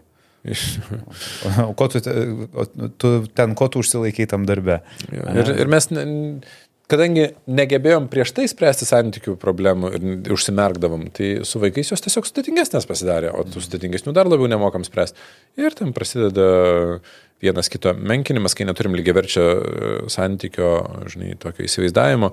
Tai mes turim suvokti, kad nepriklausom nuo to, kiek mes uždirbam pinigų, mes abu esame verti turėti nuo savo laiko. Nepriklausom nuo to, kiek mes pinigų uždirbam, mes abu verti turėti nuo savų pinigų. Nepriklausomai nuo to, kiek mes pinigų uždirbam, mes e, abu turim teisę jaustis taip, kaip jaučiamės. Tam, pavyzdžiui, sako, aš pavargus. Nuo ko tu čia pavargai? Ta prasme, kodėl mes nesakom, kai žmogus sako, aš noriu tualetą. Nu tai nuo ko tu čia nori tualetą, negeriai? Nu, taip nesakom, nes nu, yra nelogiška. Jeigu nori tualetą, reiškia, jau nori. Jau, nu, jau, Nes mums tai yra normalu. jau yra, tai jeigu tu taip jautiesi, pavargus, tai reiškia, jautiesi, viskas. Ir tai yra, kad priežasčių aš nežinau, tai čia mano išminties trūkumas yra, o ne kaltinti kitą pusę. Kad, Kaip, kaip neiškelti vaiko aukščiau, aukščiau savo partnerio, O čia partnerės? ne mano kompetencijos. Ne? Aš apie vaikų auklėjimą. Aš turiu du eksperimentus, pas mane dviniai yra, tai aš turiu Dar du eksperimentus ir, ir žiūrim, kas gausis. Okay. Uh, bet, nu, savistaba, ką aš žinau, savistaba, aš ir... ir Su vaikų atsiradimu kartais ne. nepamiršti, kad partneriui reikia duoti irgi dėmesio, kiek buvo prieš tai, nes kitaip viskas tik visi žemyn. Uh, mat, matai, jeigu santykiai prieš tai buvo sąmoningi, dažniausiai to klausimo kelti nereikia. Jeigu jie nebuvo sąmoningi prieš tai, tai sakymas, kad duok dėmesio tiek, kiek prieš tai, nepagelbės, nes prieš tai dėmesys dažniausiai irgi nebūdavo duodamas, tik būdavo užglaistoma ir pabėgama nuo problemų. Mhm. Ir dėl to reikia pradėti spręsti santykių klausimus iš esmės, pradėti išmokti vienas kito nebemenkinti, gražinti pusiausvyrą, išmokti atsiprašyti, išmokti brėžti ribas, pažinti instinktyves reakcijas. Aš čia galiu privardinti. Aš dabar net, man gimė klausimas, žinai, ir e, kai apie konfliktų sprendimus kalbėjom, bet aš jau ir žinau tavo atsakymą. jau, jau žinau, kad žiūrim, pasakysi ribų apibrėžimas ir taip toliau. Ką daryti porose, kuomet a, vienas pasiruošęs yra spręsti kažkokią tai problemą, kalbėtis, bet partneris visą laiką bėga nuo pokalbio. Tik tai pradedi pokalbį, uždaro duris, išeina. Ir visą laiką yra pabėgimas. Ką tokiu atveju, kaip, kaip tą žmogų priversti pagaliau konfrontuoti ir kalbėtis? Aš bandžiau tave ir praeitoj vietoj tikslinti, kur tu sakai, kad būtinai reikia kalbėti, spręsti. Kalbėjimasis yra dažniausiai naudojama Ok, ir taip, vien, viena dažniau. iš e, efektyvių tokių Kitas priemonių. priemonės pakalbėti. Bet yra ir kitų priemonių. Ir ne visi žmonės yra linkę ir mėgsta kalbėtis. Mhm. Nu, tai prasme, tikrai. Rašyti? Uh, Vienas iš variantų gali būti rašymas, e, ieškoti būdo, kuris yra priimtinas tam žmogui. Ir reikia suprasti, kad kai kuriems dalykams pokalbių labai daug ir nereikia. Nes, kaip tu sakai, ten ribų brėžimai, nu, gali būti, kad kitas nenori klausytis, bet nu, tu tiesiog išsakai ribą. Ir mes visi, žinai, kalbam ar nesikalbam, mes turim ribas tam tikras. Pavyzdžiui, e, daugelis porų tikiuosi, kad turi ribą, kad šeimoje yra nesimušama, ar ne? Nu, kad vienas kito nedaužom. Ir riba tai reiškia, kad nėra taip, kad, nu, va, šį vakarą nepasisekė. Gal kitą vakarą mažiau skaudės. Nu, tai, ne, tai, ne, tai nėra riba. Riba daugeliu atveju yra nu, taškas bus. Ta prasme, čia yra pabaiga, čia yra mes nesitaikstysim su, su šituo elgesiu. Tai mes turim tas ribas, kad uh, ten nevokti, ne, nemušti, ne dar kažkokiu. Tai, ir, bet tik tai tos ribos dažnai atveju yra nu, per, jau per, per arti prisileidus, žinai. Tam, kad mes turėtum tokį, žinai, emocinį stuburą, emocinę savastį, mes turim e, anksčiau jas brėžti ir, ir išmokti patenkinti savo tam tikrus fiziologinius poreikius, emocinius poreikius patys. Ir jeigu juos patenkinam, nu tai ar antra pusė kalbasi ar ne. E, Tai čia tokia, žinai, dabar įtakos- populiariausia trendinė Jo, jo, žinau. priemonė, nes visi kalba tik apie kalbėjimą. Ok, jeigu yra kalbėjimas, rašymas, a, kaip suprantu, nu gerai, tarkim, poroje nesikalbama, Nu, tai... tai yra, nebūtina, kad antra pusė kalbėtų, tu gali pasakyti, tas pats, žinai, kaip vėl paimsiu Bet vaikus kaip gali, neiš, supranti, kas yra neišklausyti. Gali neklausyti. Ir išbėgti, ir tada kam tu kalbė durims uždarytoms, žinai, tai kaip tokiu atveju transliuoti tą savo... Nes matai, kaip mes pasiekėm, kad antra pusė pabėga nuo mūsų. Mhm. Kaip, kaip, kaip mes sugebėjom, nelietuviškai pasakysiu, dėsti tą žmogų, taip, jis bėga nuo mūsų, kai mes tik pradedam kalbėti. Dažniausiai tai reiškia, kad mes stipriai kontroliuojam, tai reiškia, kad mes e, e, bandom valdyti, mes e, menkinam pokalbių metu. Ir gal pradžia yra ne ribos brėžimas ir kalbėjimas, o atsiprašymas. O su atsiprašymu irgi reikia padirbėti. O ir nemažai, nes mes atsiprašinėjom ne už tos dalykus, už kuriuos reikia, už kuriuos reikia neatsiprašinėjom. Nes jeigu mes atsiprašinėjom už tai, kad brėžiam ribą, tai mes dar labiau e, Ištrinam ribą. Jo, klimstam į neligiavertiškumą. Mes, e, o kai atsiprašom ir žmonės sako, tai aš atsiprašau, bet niekaip nesureagavo, o jeigu mes atsiprašom tik, tikėdamėsi, kad sureaguos kažkaip, tai ką tai reiškia? Tai reiškia, kad mes bandom mainyti atsiprašymą į kažkokį gestą iš antros pusės. Tai jeigu aš atsiprašau, tai aš atsiprašau dėl to, kad taip įvyksta. Žinai, nu, aš turiu daug tokių analogijų, kurios gal padeda suprasti, kad, pavyzdžiui, tu eini uh, miške ir matai tarp vėlos, prie tvoros įsipainiojusi gyvūnėlį, laukinį. Ir tu gali jį išgelbėti, ne? Nu, greičiausiai gelbėsi, nes tai yra pagal tavo moralinius principus teisingas elgesys, kurį tu turi padaryti, nes nu, nu, jis yra įkliuvęs į civilizacijos pastus, į vėlą įsivėlę. Ir kai tu jį išgelbėsi, tai ko tu tikiesi iš jo atgal? Kad kai pasakoji sustos, pasukvies visus miško gyvūnėlius, padėkos tau, suteiks specialių galių, tai pasakose tai būna, bet realybėje tai jisai gelbėjant tave apdraskys Ir dar, dar ir, ir po to pabėgs. ir po to pabėgs, nesakęs nei ačiū.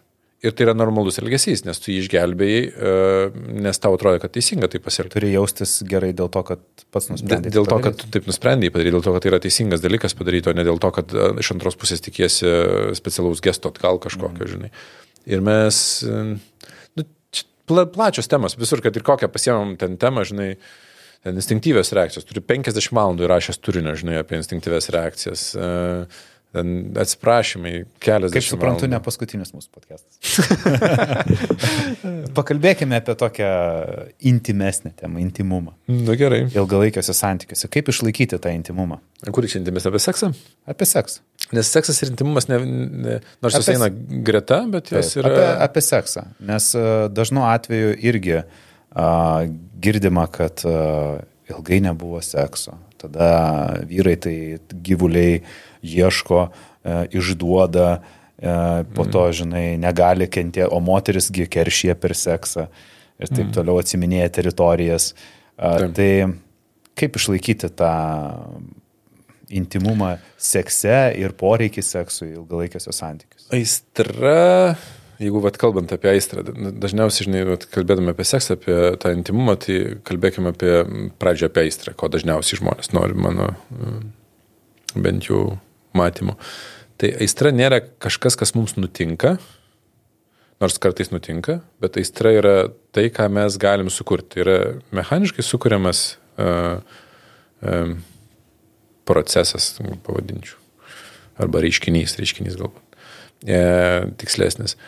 Ir jisai susideda iš e, dviejų dedamųjų. Turi būti mm, poliška trauka. Nu, kaip tarp pliuso ir minuso magnetai yra trauka. Tai čia ne tai, kad vienas blogas, kitas geras turi būti, bet uh, medžioklės rinkimo instinktai yra uh, dvi opozicijos, kurios traukia vienas kitą. Ir jeigu mes suprantam, kaip e, veikia instinktų mechanika, mes galim padidinti šansus arba netgi kartais net užtikrinti, kad e, gims aistra. Analogiją imčiau vat, tik tai ne iš tos pusės, kaip gali kai kas suvokti vaivorykštė, bet ne iš mhm. uh, vaivorykštės vėliavos pusės, bet iš natūralaus gamtos reiškinio. Tai gamtos uh, reiškinys vaivorykštė yra nu, kartais nutinkantis. Tu eini ir pamatai vaivorykštę gražią, ar ne? Bet jeigu supranti mechaniką, tu ją gali susikurti bet kada praktiškai. Nes tai yra um, šviesa e, krintanti per vandens lašelius. Nieko sudėtingo labai. Taip. Ir tada tu ją bet kada gali susikurti. Ar lengva ją susikurti? Nedidelė, labai lengva. Tokio dydžio, kaip gamtoj pamatom, nu reikia didelių labai pastangų. Mhm. Tas pats yra su kai jinai Patinka natūrali. analogija. Patinka. Man irgi patinka, nes lengva suprasti. Mhm. Nes gamtoj kaip nutinka aistra, kai nu, būna jin labai didelė ir, ir staiga ir ten. Ar galima tokią pačią susikurti savo santykiuose? Taip, tik reikės pastangų, jau tai ne, nesigaus. Ar galima savaime su, sukurti mažesnės aistra, aistros tokius kaip čia, proveržius, e, etapus? Taip, irgi galima. Bet dažnai santykių pradžioje net nereikia to. Ne, nes tai natūraliai susiformavo vargštė. Ir klaus, klausimas, kiek truks dabar tavo vargštė, žinai. Ir, ir praeina jinai. Ko, kokie būtų E, su- patarimai su- sugrįžti sugrįžti? į- Tai? Tai, Nes tai dabar labai... tai tema plati yra, nu, nes tema plati yra ir aš ne, žinai, negaliu pasakyti A, nepasakyti B po to, nes gausis e, per, per sudėtinga, bet uh, Kaip, priklauso, kaip nuo, priklauso nuo santykių. Jeigu santykiai yra, net, žiūrėk, net jeigu santykiai yra vienos lyties, tai uh, abu žmonės būna skirtingose instinktuose. Tu gali pastebėti, jeigu yra du vyrai, tai vienas būna labiau, ten sako, moteriškesnis, kitas vyriškesnis, jeigu dvi moteris, viena vyriškesnė, kita moteriškesnė. Tai yra skirtingi, net dėl to neteisingas tas apibūdimas vyriškesnis, moteriškesnis. Tai yra e, instinktai. Ir jeigu yra pora, tai dažniausiai irgi klasika, vyras bus labiau medžioklės instinktuose, moteris labiau rinkimų instinktuose. Bet net ir šitoje vietoje gali būti switches. Gali būti pasikeitę ir kas aš toks, kad sakyčiau, kad čia yra blogai, jeigu jiems tinka. Mhm. Tai e, viskas priklauso nuo, nuo pačių žmonių, bet jeigu imsim klasiką, kad vyras yra medžioklės instinktuose, tai medžioklės instinktai yra vystomi iššūkiais. Ir rinkimų Vyrui instinktai. reikia iššūkių. Jo, nu, tai reiškia, kad jam reikalinga iššūkiai, kuriuos jis įveikia ir jaučiasi sustiprėjęs, įveikęs, nu, sumedžiojęs, pasportavęs, padaręs kažką, susidūręs su mirtimi, e, mirtimi tai kabutėse, su mirtimi ten nu, buvo kažkokiam, nežinau, Stresu e, kažkokiam strese, ten lenktynėse, dar kažkur buvo, nu, ten, mes driftindom, nu, tai išvažiuoji driftinti, nu, tai atrodo, e, nu, kokia ten, nu, ten rizika yra minimali, ar ne, šiuolaikinėse automobiliuose, bet, e, nu, vat, tu būni pabuvęs kažkur, ar ne. Rinkimo instinktai atsiskleidžia tuo tarpu instinktyviam saugume, kada nėra distrakcijų jokių, kada yra um, žmogus jaučiasi gražus pats savo, kada aplinka yra tvarkinga, kada nėra kažko, ką reikia sutvarkyti, kuo reikia pasirūpinti, vaikai nereikia kitam kambarį ir, ir taip toliau. Nu tai imam šitos dvi, du komponentus. Čia nėra vienintelis būdas, kaip sukurti.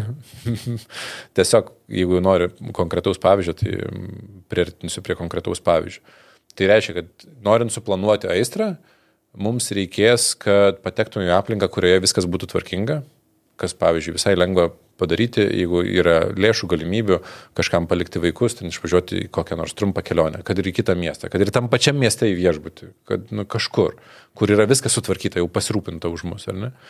Ir vyras turi turėti kažkokių hobių, veiklų, kuriuose eina realiai medžioti, sportuoti, dar kažką daryti, kur, kur jisai uh, patenka į medžioklės instinktą, kad nu, sužadintų savyje tą, nu, tą pirmykštę jėgą, žinai. Ir mes turim ženkliai didesnį šansą, kad e, bus aistros kibirkštis. Mhm. O kas vyksta poroj, ką man pasakoja, žinai, nu, ten mes turim podcastą, kur mums pa- parašo, ten, sako, pas mus uh, yra apmiręs seksualinis gyvenimas. O aš taip stengiuosi, stengiuosi viską, net ir indus būna suplaunu, ir kambarius išplaunu. Ir tu pagalvok, elgesys, kurį daro, yra priešingas tam, kas kuria aistrą. Nes aš išversti į, į instinktų kalbą. Tai reiškia, aš pereinu į rinkimų instinktus netgi kartu, kad gimtų aistra negims, nes jūs dabar esate du žmonės rinkimų instinktuose. Nu, bet taip, dažniausiai uh, vyrai, kurie ten, jo moterys skaud dažnai vakare galvą. Uh, nuotaikos nėra. Nes, galvoja- nes pavargau, per daug darbų, Taip, sako. taip, Tai, tai, va, tai galvoja, nu tai pavargo per daug darbų, galvas skauda, blemba sekso negaunu, nueinu padėsiu, jie indus suplauti, einu aš tos, tas grindis išplausiu, reiškia darbų sumažės. aš tu pasakysiu iš moters pusės, ką man moteris pato sako. Sako, blema, man uh, skauda galva, ten tas vyras nesirūpina uh, namais niekuo ir matau, jau pradeda rūpintis ten e, šituo, tai jau dar ir sekso norės. Nu tai gaunasi, kad jei, jei tai niekas nepasikeitė, darbų kiekis tai nepakito, nes darbų kiekis yra ženkliai didesnis nei tiesiog indus suplaut. Ir sako, jisai ateina ten susiplovęs tos indus ar indus indaplovę sudėjęs, jau galvoja, kad jis čia man padėjo. Jis neįsivaizduoja, kiek darbų pas mane yra, vaikais pasirūpinti ir visko kitų. Ir kiek mano tam pidų sąraše ten slepiasi dar kažkas. Tai indai šimtinis jo, numeris sąraše. Ir, ir dar jam aš turiu man tai atsilyginti už tai. Atsilyginti. Nes taip gaunasi, nes tas vyras irgi ateina maždaug atlygio savo pasirinkimą. Bar barterio. Jo, aš jau dabar čia suplau, indus jau čia. Va, valiuta jau, va, mano valiuta, indai. ir žinai, tai yra absurdas, kai aš suprantu, kas vyksta. Mhm. Tai absurdas ir pačiam žmogui pasidaro, kai jisai įsigilina ir pradeda suprasti, kad, nu, nes tai, apie ką aš kalbu ir mokymas ir ten Instagram ar kažkur, nu, tai nėra kažkas, kuo reikėtų tikėti ar netikėti. Čia nėra ezoterika. Čia yra, žinai, nu, tu gali pamatyti realybėje, kiekvienoj poroj praktiškai stebėdamas, kas vyksta su tais instinktais. Bet, žinai, imti ir išbandyti tuos dalykus, nu, nėra, žinai, papasakosiu vieną va, tokią pikantišką istoriją iš savo gyvenimo. Mes kažkada keliavom į santykių mokymus, tarp kitko, į kana, pas tokią kanadietę į Los Andželą, į Ameriką. Mhm. Vaikam buvo pusantrų metukų, man atrodo, artėjo link dviejų metukų, nu, žodžiu, labai maži vaikai buvo. E, ir mes keliavom, pasėmėm auklę, nes kitaip mokymuose negalėtumėm sudalyvauti. Ir Irena su mumis būdavo nu, jau ten kaip šeimos narys. Ir mes nukeliavom į Los Andželą, išsinuomom ten apartamentus, mes dienom išeinam į e, mokymus, pabūna su vaikais, e, mes grįžtam vakare. Ir, nu, tai įsivaizduok, iš, iškeliavom į Ameriką, tai mes reiškia, kelionės ten dvi paros praktiškai gaunasi, nukeliavom ten pirmą dieną, antrą dieną, trečią dieną, mes esam be seksų. Nu, nes fiziškai nėra laiko, erdvės, vietos, kur tai galėtų įvykti. Mes ten gyvenam, nu, iš principo, mhm. vaikai e, tam pačiam bendravime. Nu, nu, tai prasme, nu, ten Los Andželė neišsinomosi penthouse su ten. Ne, turiu vieni, kad gyvenat e, su auklė, su vaikais, nu, kaip bendravote. Nu, taip, nu, ten yra kelių kambarių apartamentai, taip. nu, bet, bet kokiu atveju, nu, nu, ten brangu yra gyventi, nu, reikia. Labai. Nu, tai prasme, Amerika. Ir, ir ta kelionė, žinai, brangi. Ir, nu, ir gerai. Ir mes dalyvavom mokymuose apie santykius. Pas Elisą Armstrong. Ir ten kalbam apie viską, ir apie aistrą, ir apie visokius dalykus. Ir fakin galvoju, mes mokomės, bet mes, ir aš jaučiu įtampą viduje kylančią, kad mes... E, ir, ir aš su Davilė užsiminiau, pakalbėjau ir, ir, nusako, bet nu tai ką mes, nu tai kur, kaip čia mes, nu mes nepaugliai, kad ten įtumėm, žinai, uh, kažkur. Ir man tada galvoju, tai palauk, bet mes dalyvavom mokymuose viešbutyje, kurioje mes negyvenam tik todėl, kad mes esame su vaikais nu, ir per sudėtinga su vaikais gyventi ir auklėti kambariuose ir per brangu buvo.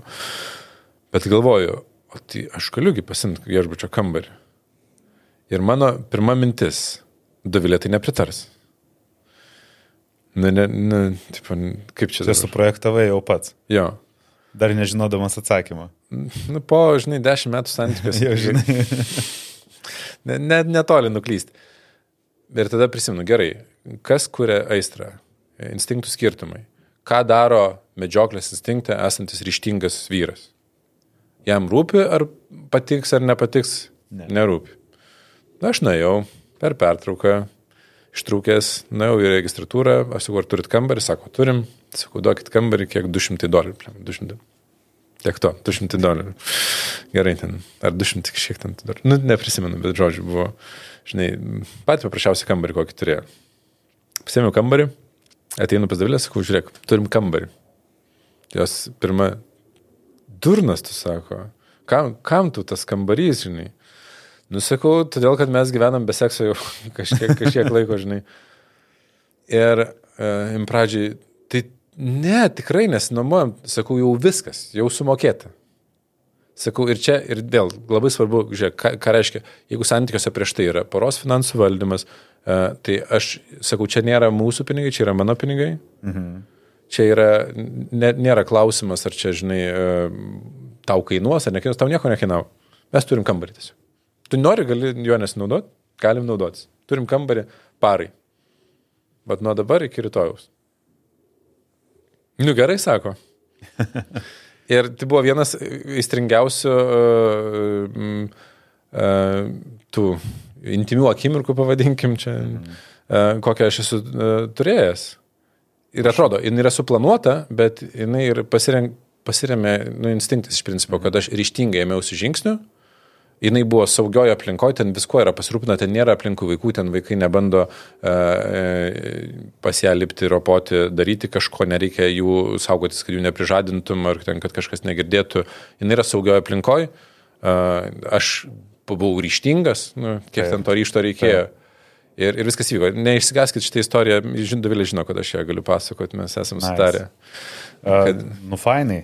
Iš tikrųjų dabar, dabar, žinai, daugelis turbūt ir susimastys, nes visą laiką mane prie, priešingai ir eidavo tos, žinai, geručio valiutos rinktis per kažkokius namų darbus. Bet reikia suprasti, žinok, jeigu prieš tai santykiai buvo išėsti, e, jeigu nuomoji kambarį, turi susitaikyti su to, kad galimai ir nereikia e, kalties versti antrai pusiai, nes antra pusė čia nieko dėta.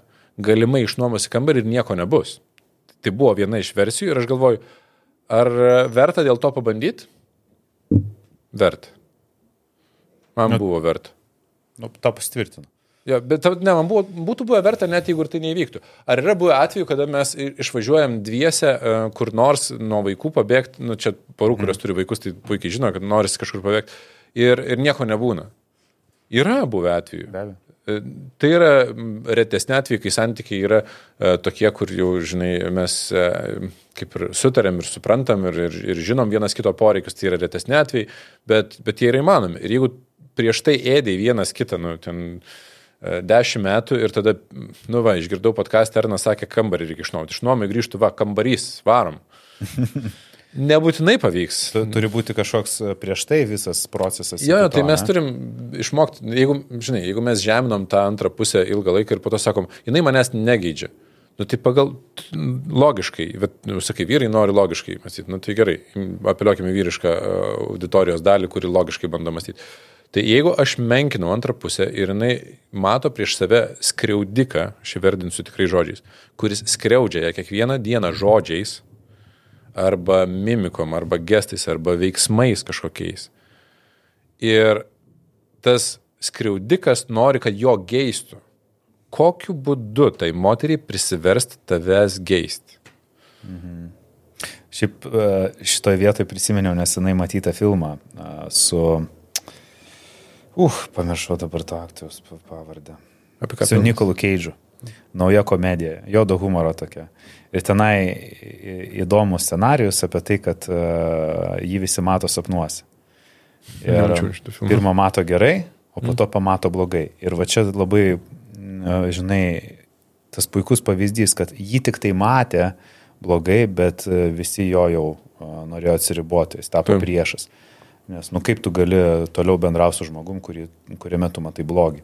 Taip bet, Taip, bet nėra labai sudėtinga iš to išlipti, nes jeigu mes išmokstam atsiprašyti ir nuoširdžiai iš tikrųjų atsiprašom, kad aš nesijaučiu turėjęs teisę tave menkinti, kad tai buvo mano silpnumo akimirkas, dažniausiai mes to ne, nepadarom.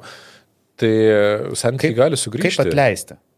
Nes šitoje vietoje kai kurie sako, tai kad jis vėl tą patį darys.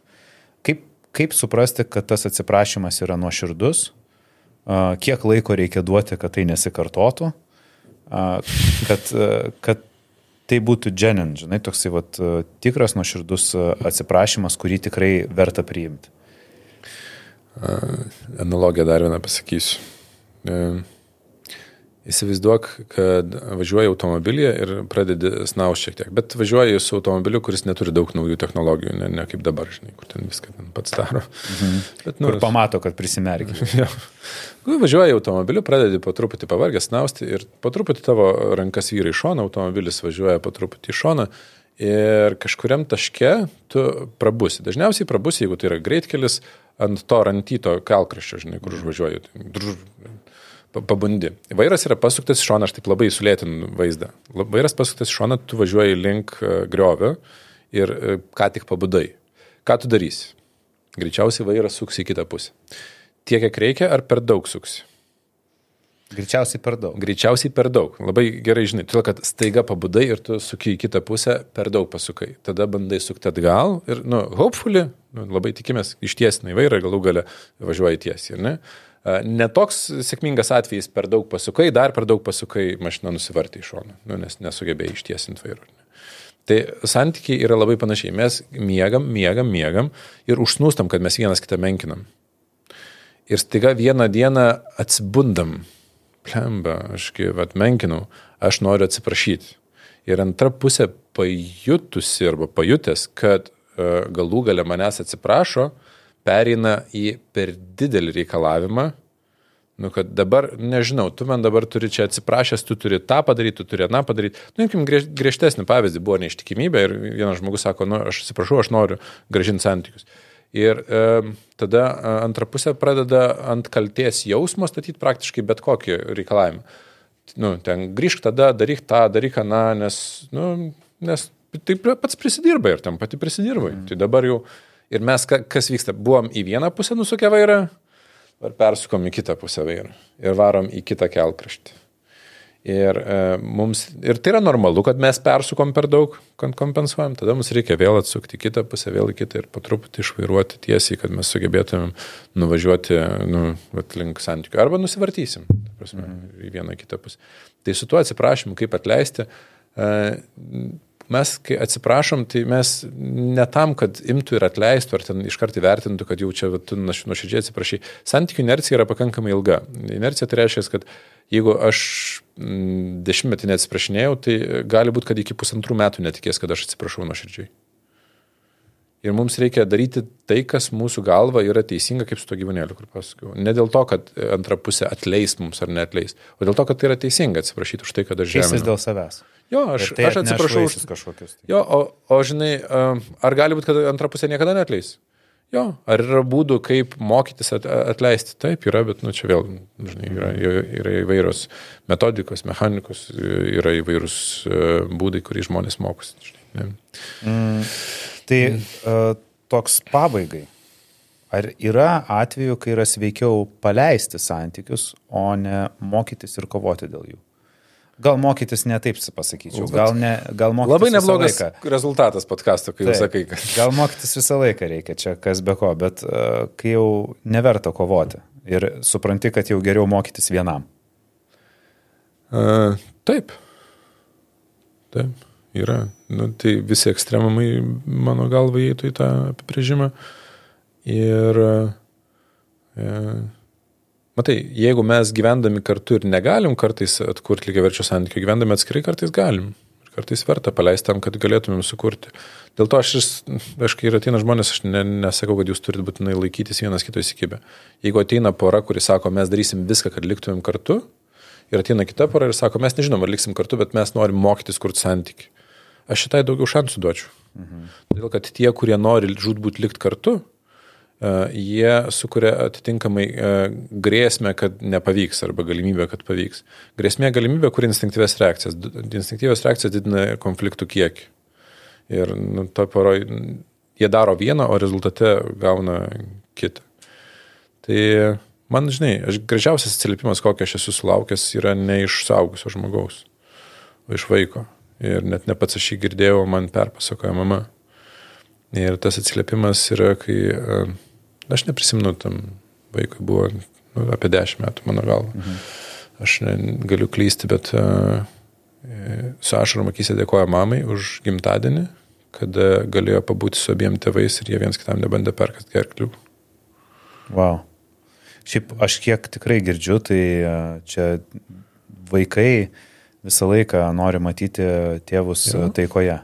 Kodėl? Todėl, kad mes esame dalis vieno, dalis kito. Ir jeigu mama, aš gyvenu, pavyzdžiui, nu, aš gyvenau su mama ir jinai niekino mano ten tėvo savybės, bet aš esu pusė tėvo. Mhm. Tai ką, ką aš suvokiu, pusė manęs niekina. Tai yra išmokti vienas kitam, net ir išsiskyrus, atkurti santyki, gerbti, ne, neėsti vienas kito.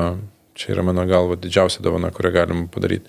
Ir aš net ir santykiai, žinai, tą temą užsiemu, nes man atrodo, kad tai yra turbūt daugiausia, ką galiu nuveikti, kad vaikai auktų sveikesnėse šeimose.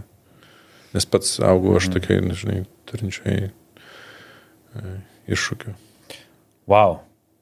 Labai, labai turiningas ir pilnas patarimų e, podcastas. Aš, aš dabar, žinai, sėdžiu ir galvoju čia apibendrinant, tai kaip ir tu sakei, žinai, atrodo, nu, klasika, klasika pas tave buvo dažnai klasika, klasika, bet net ir ta klasika atrodė kartais, žinai, tokia deep, nes kai kurie žmonės net apie tai nepagalvoja. Čia mes paviršiai pakrapstėm. Taip. Pakrapstėm visas temas paviršim, Taip, nes taip. visur reikia leistis gilyn į tikrasias Bet tai jau čia individualiai reikia leistis. Individualiai, jeigu žmonės tikrai nori kažką tai tvarkyti ir daryti. Taip, tai Arnai, ačiū tau labai. Aš tikiuosi, kad e, mano žiūrovams patiko ši laida. Jeigu taip, tai būtinai padėkite širdutę komentaruose, parašykite savo nuomonę. Nes e, jeigu matysim, kad įdomu, tai aš manau, kad Arnas apsilankys ir dar kartą. Galėsime paliesti ir kitas Jauku temas. Arnui patiko, tai nepamirškite uždėti laiko, paspausti, prenumeruoti mygtuką, varpelį ir, aišku, kaip ir minėjau, parašyti komentaruose bent jau širdutę. Tai padės mums aukti. Ačiū Jums visiems ir susimatysime jau kitą savaitę. Iki. Iki.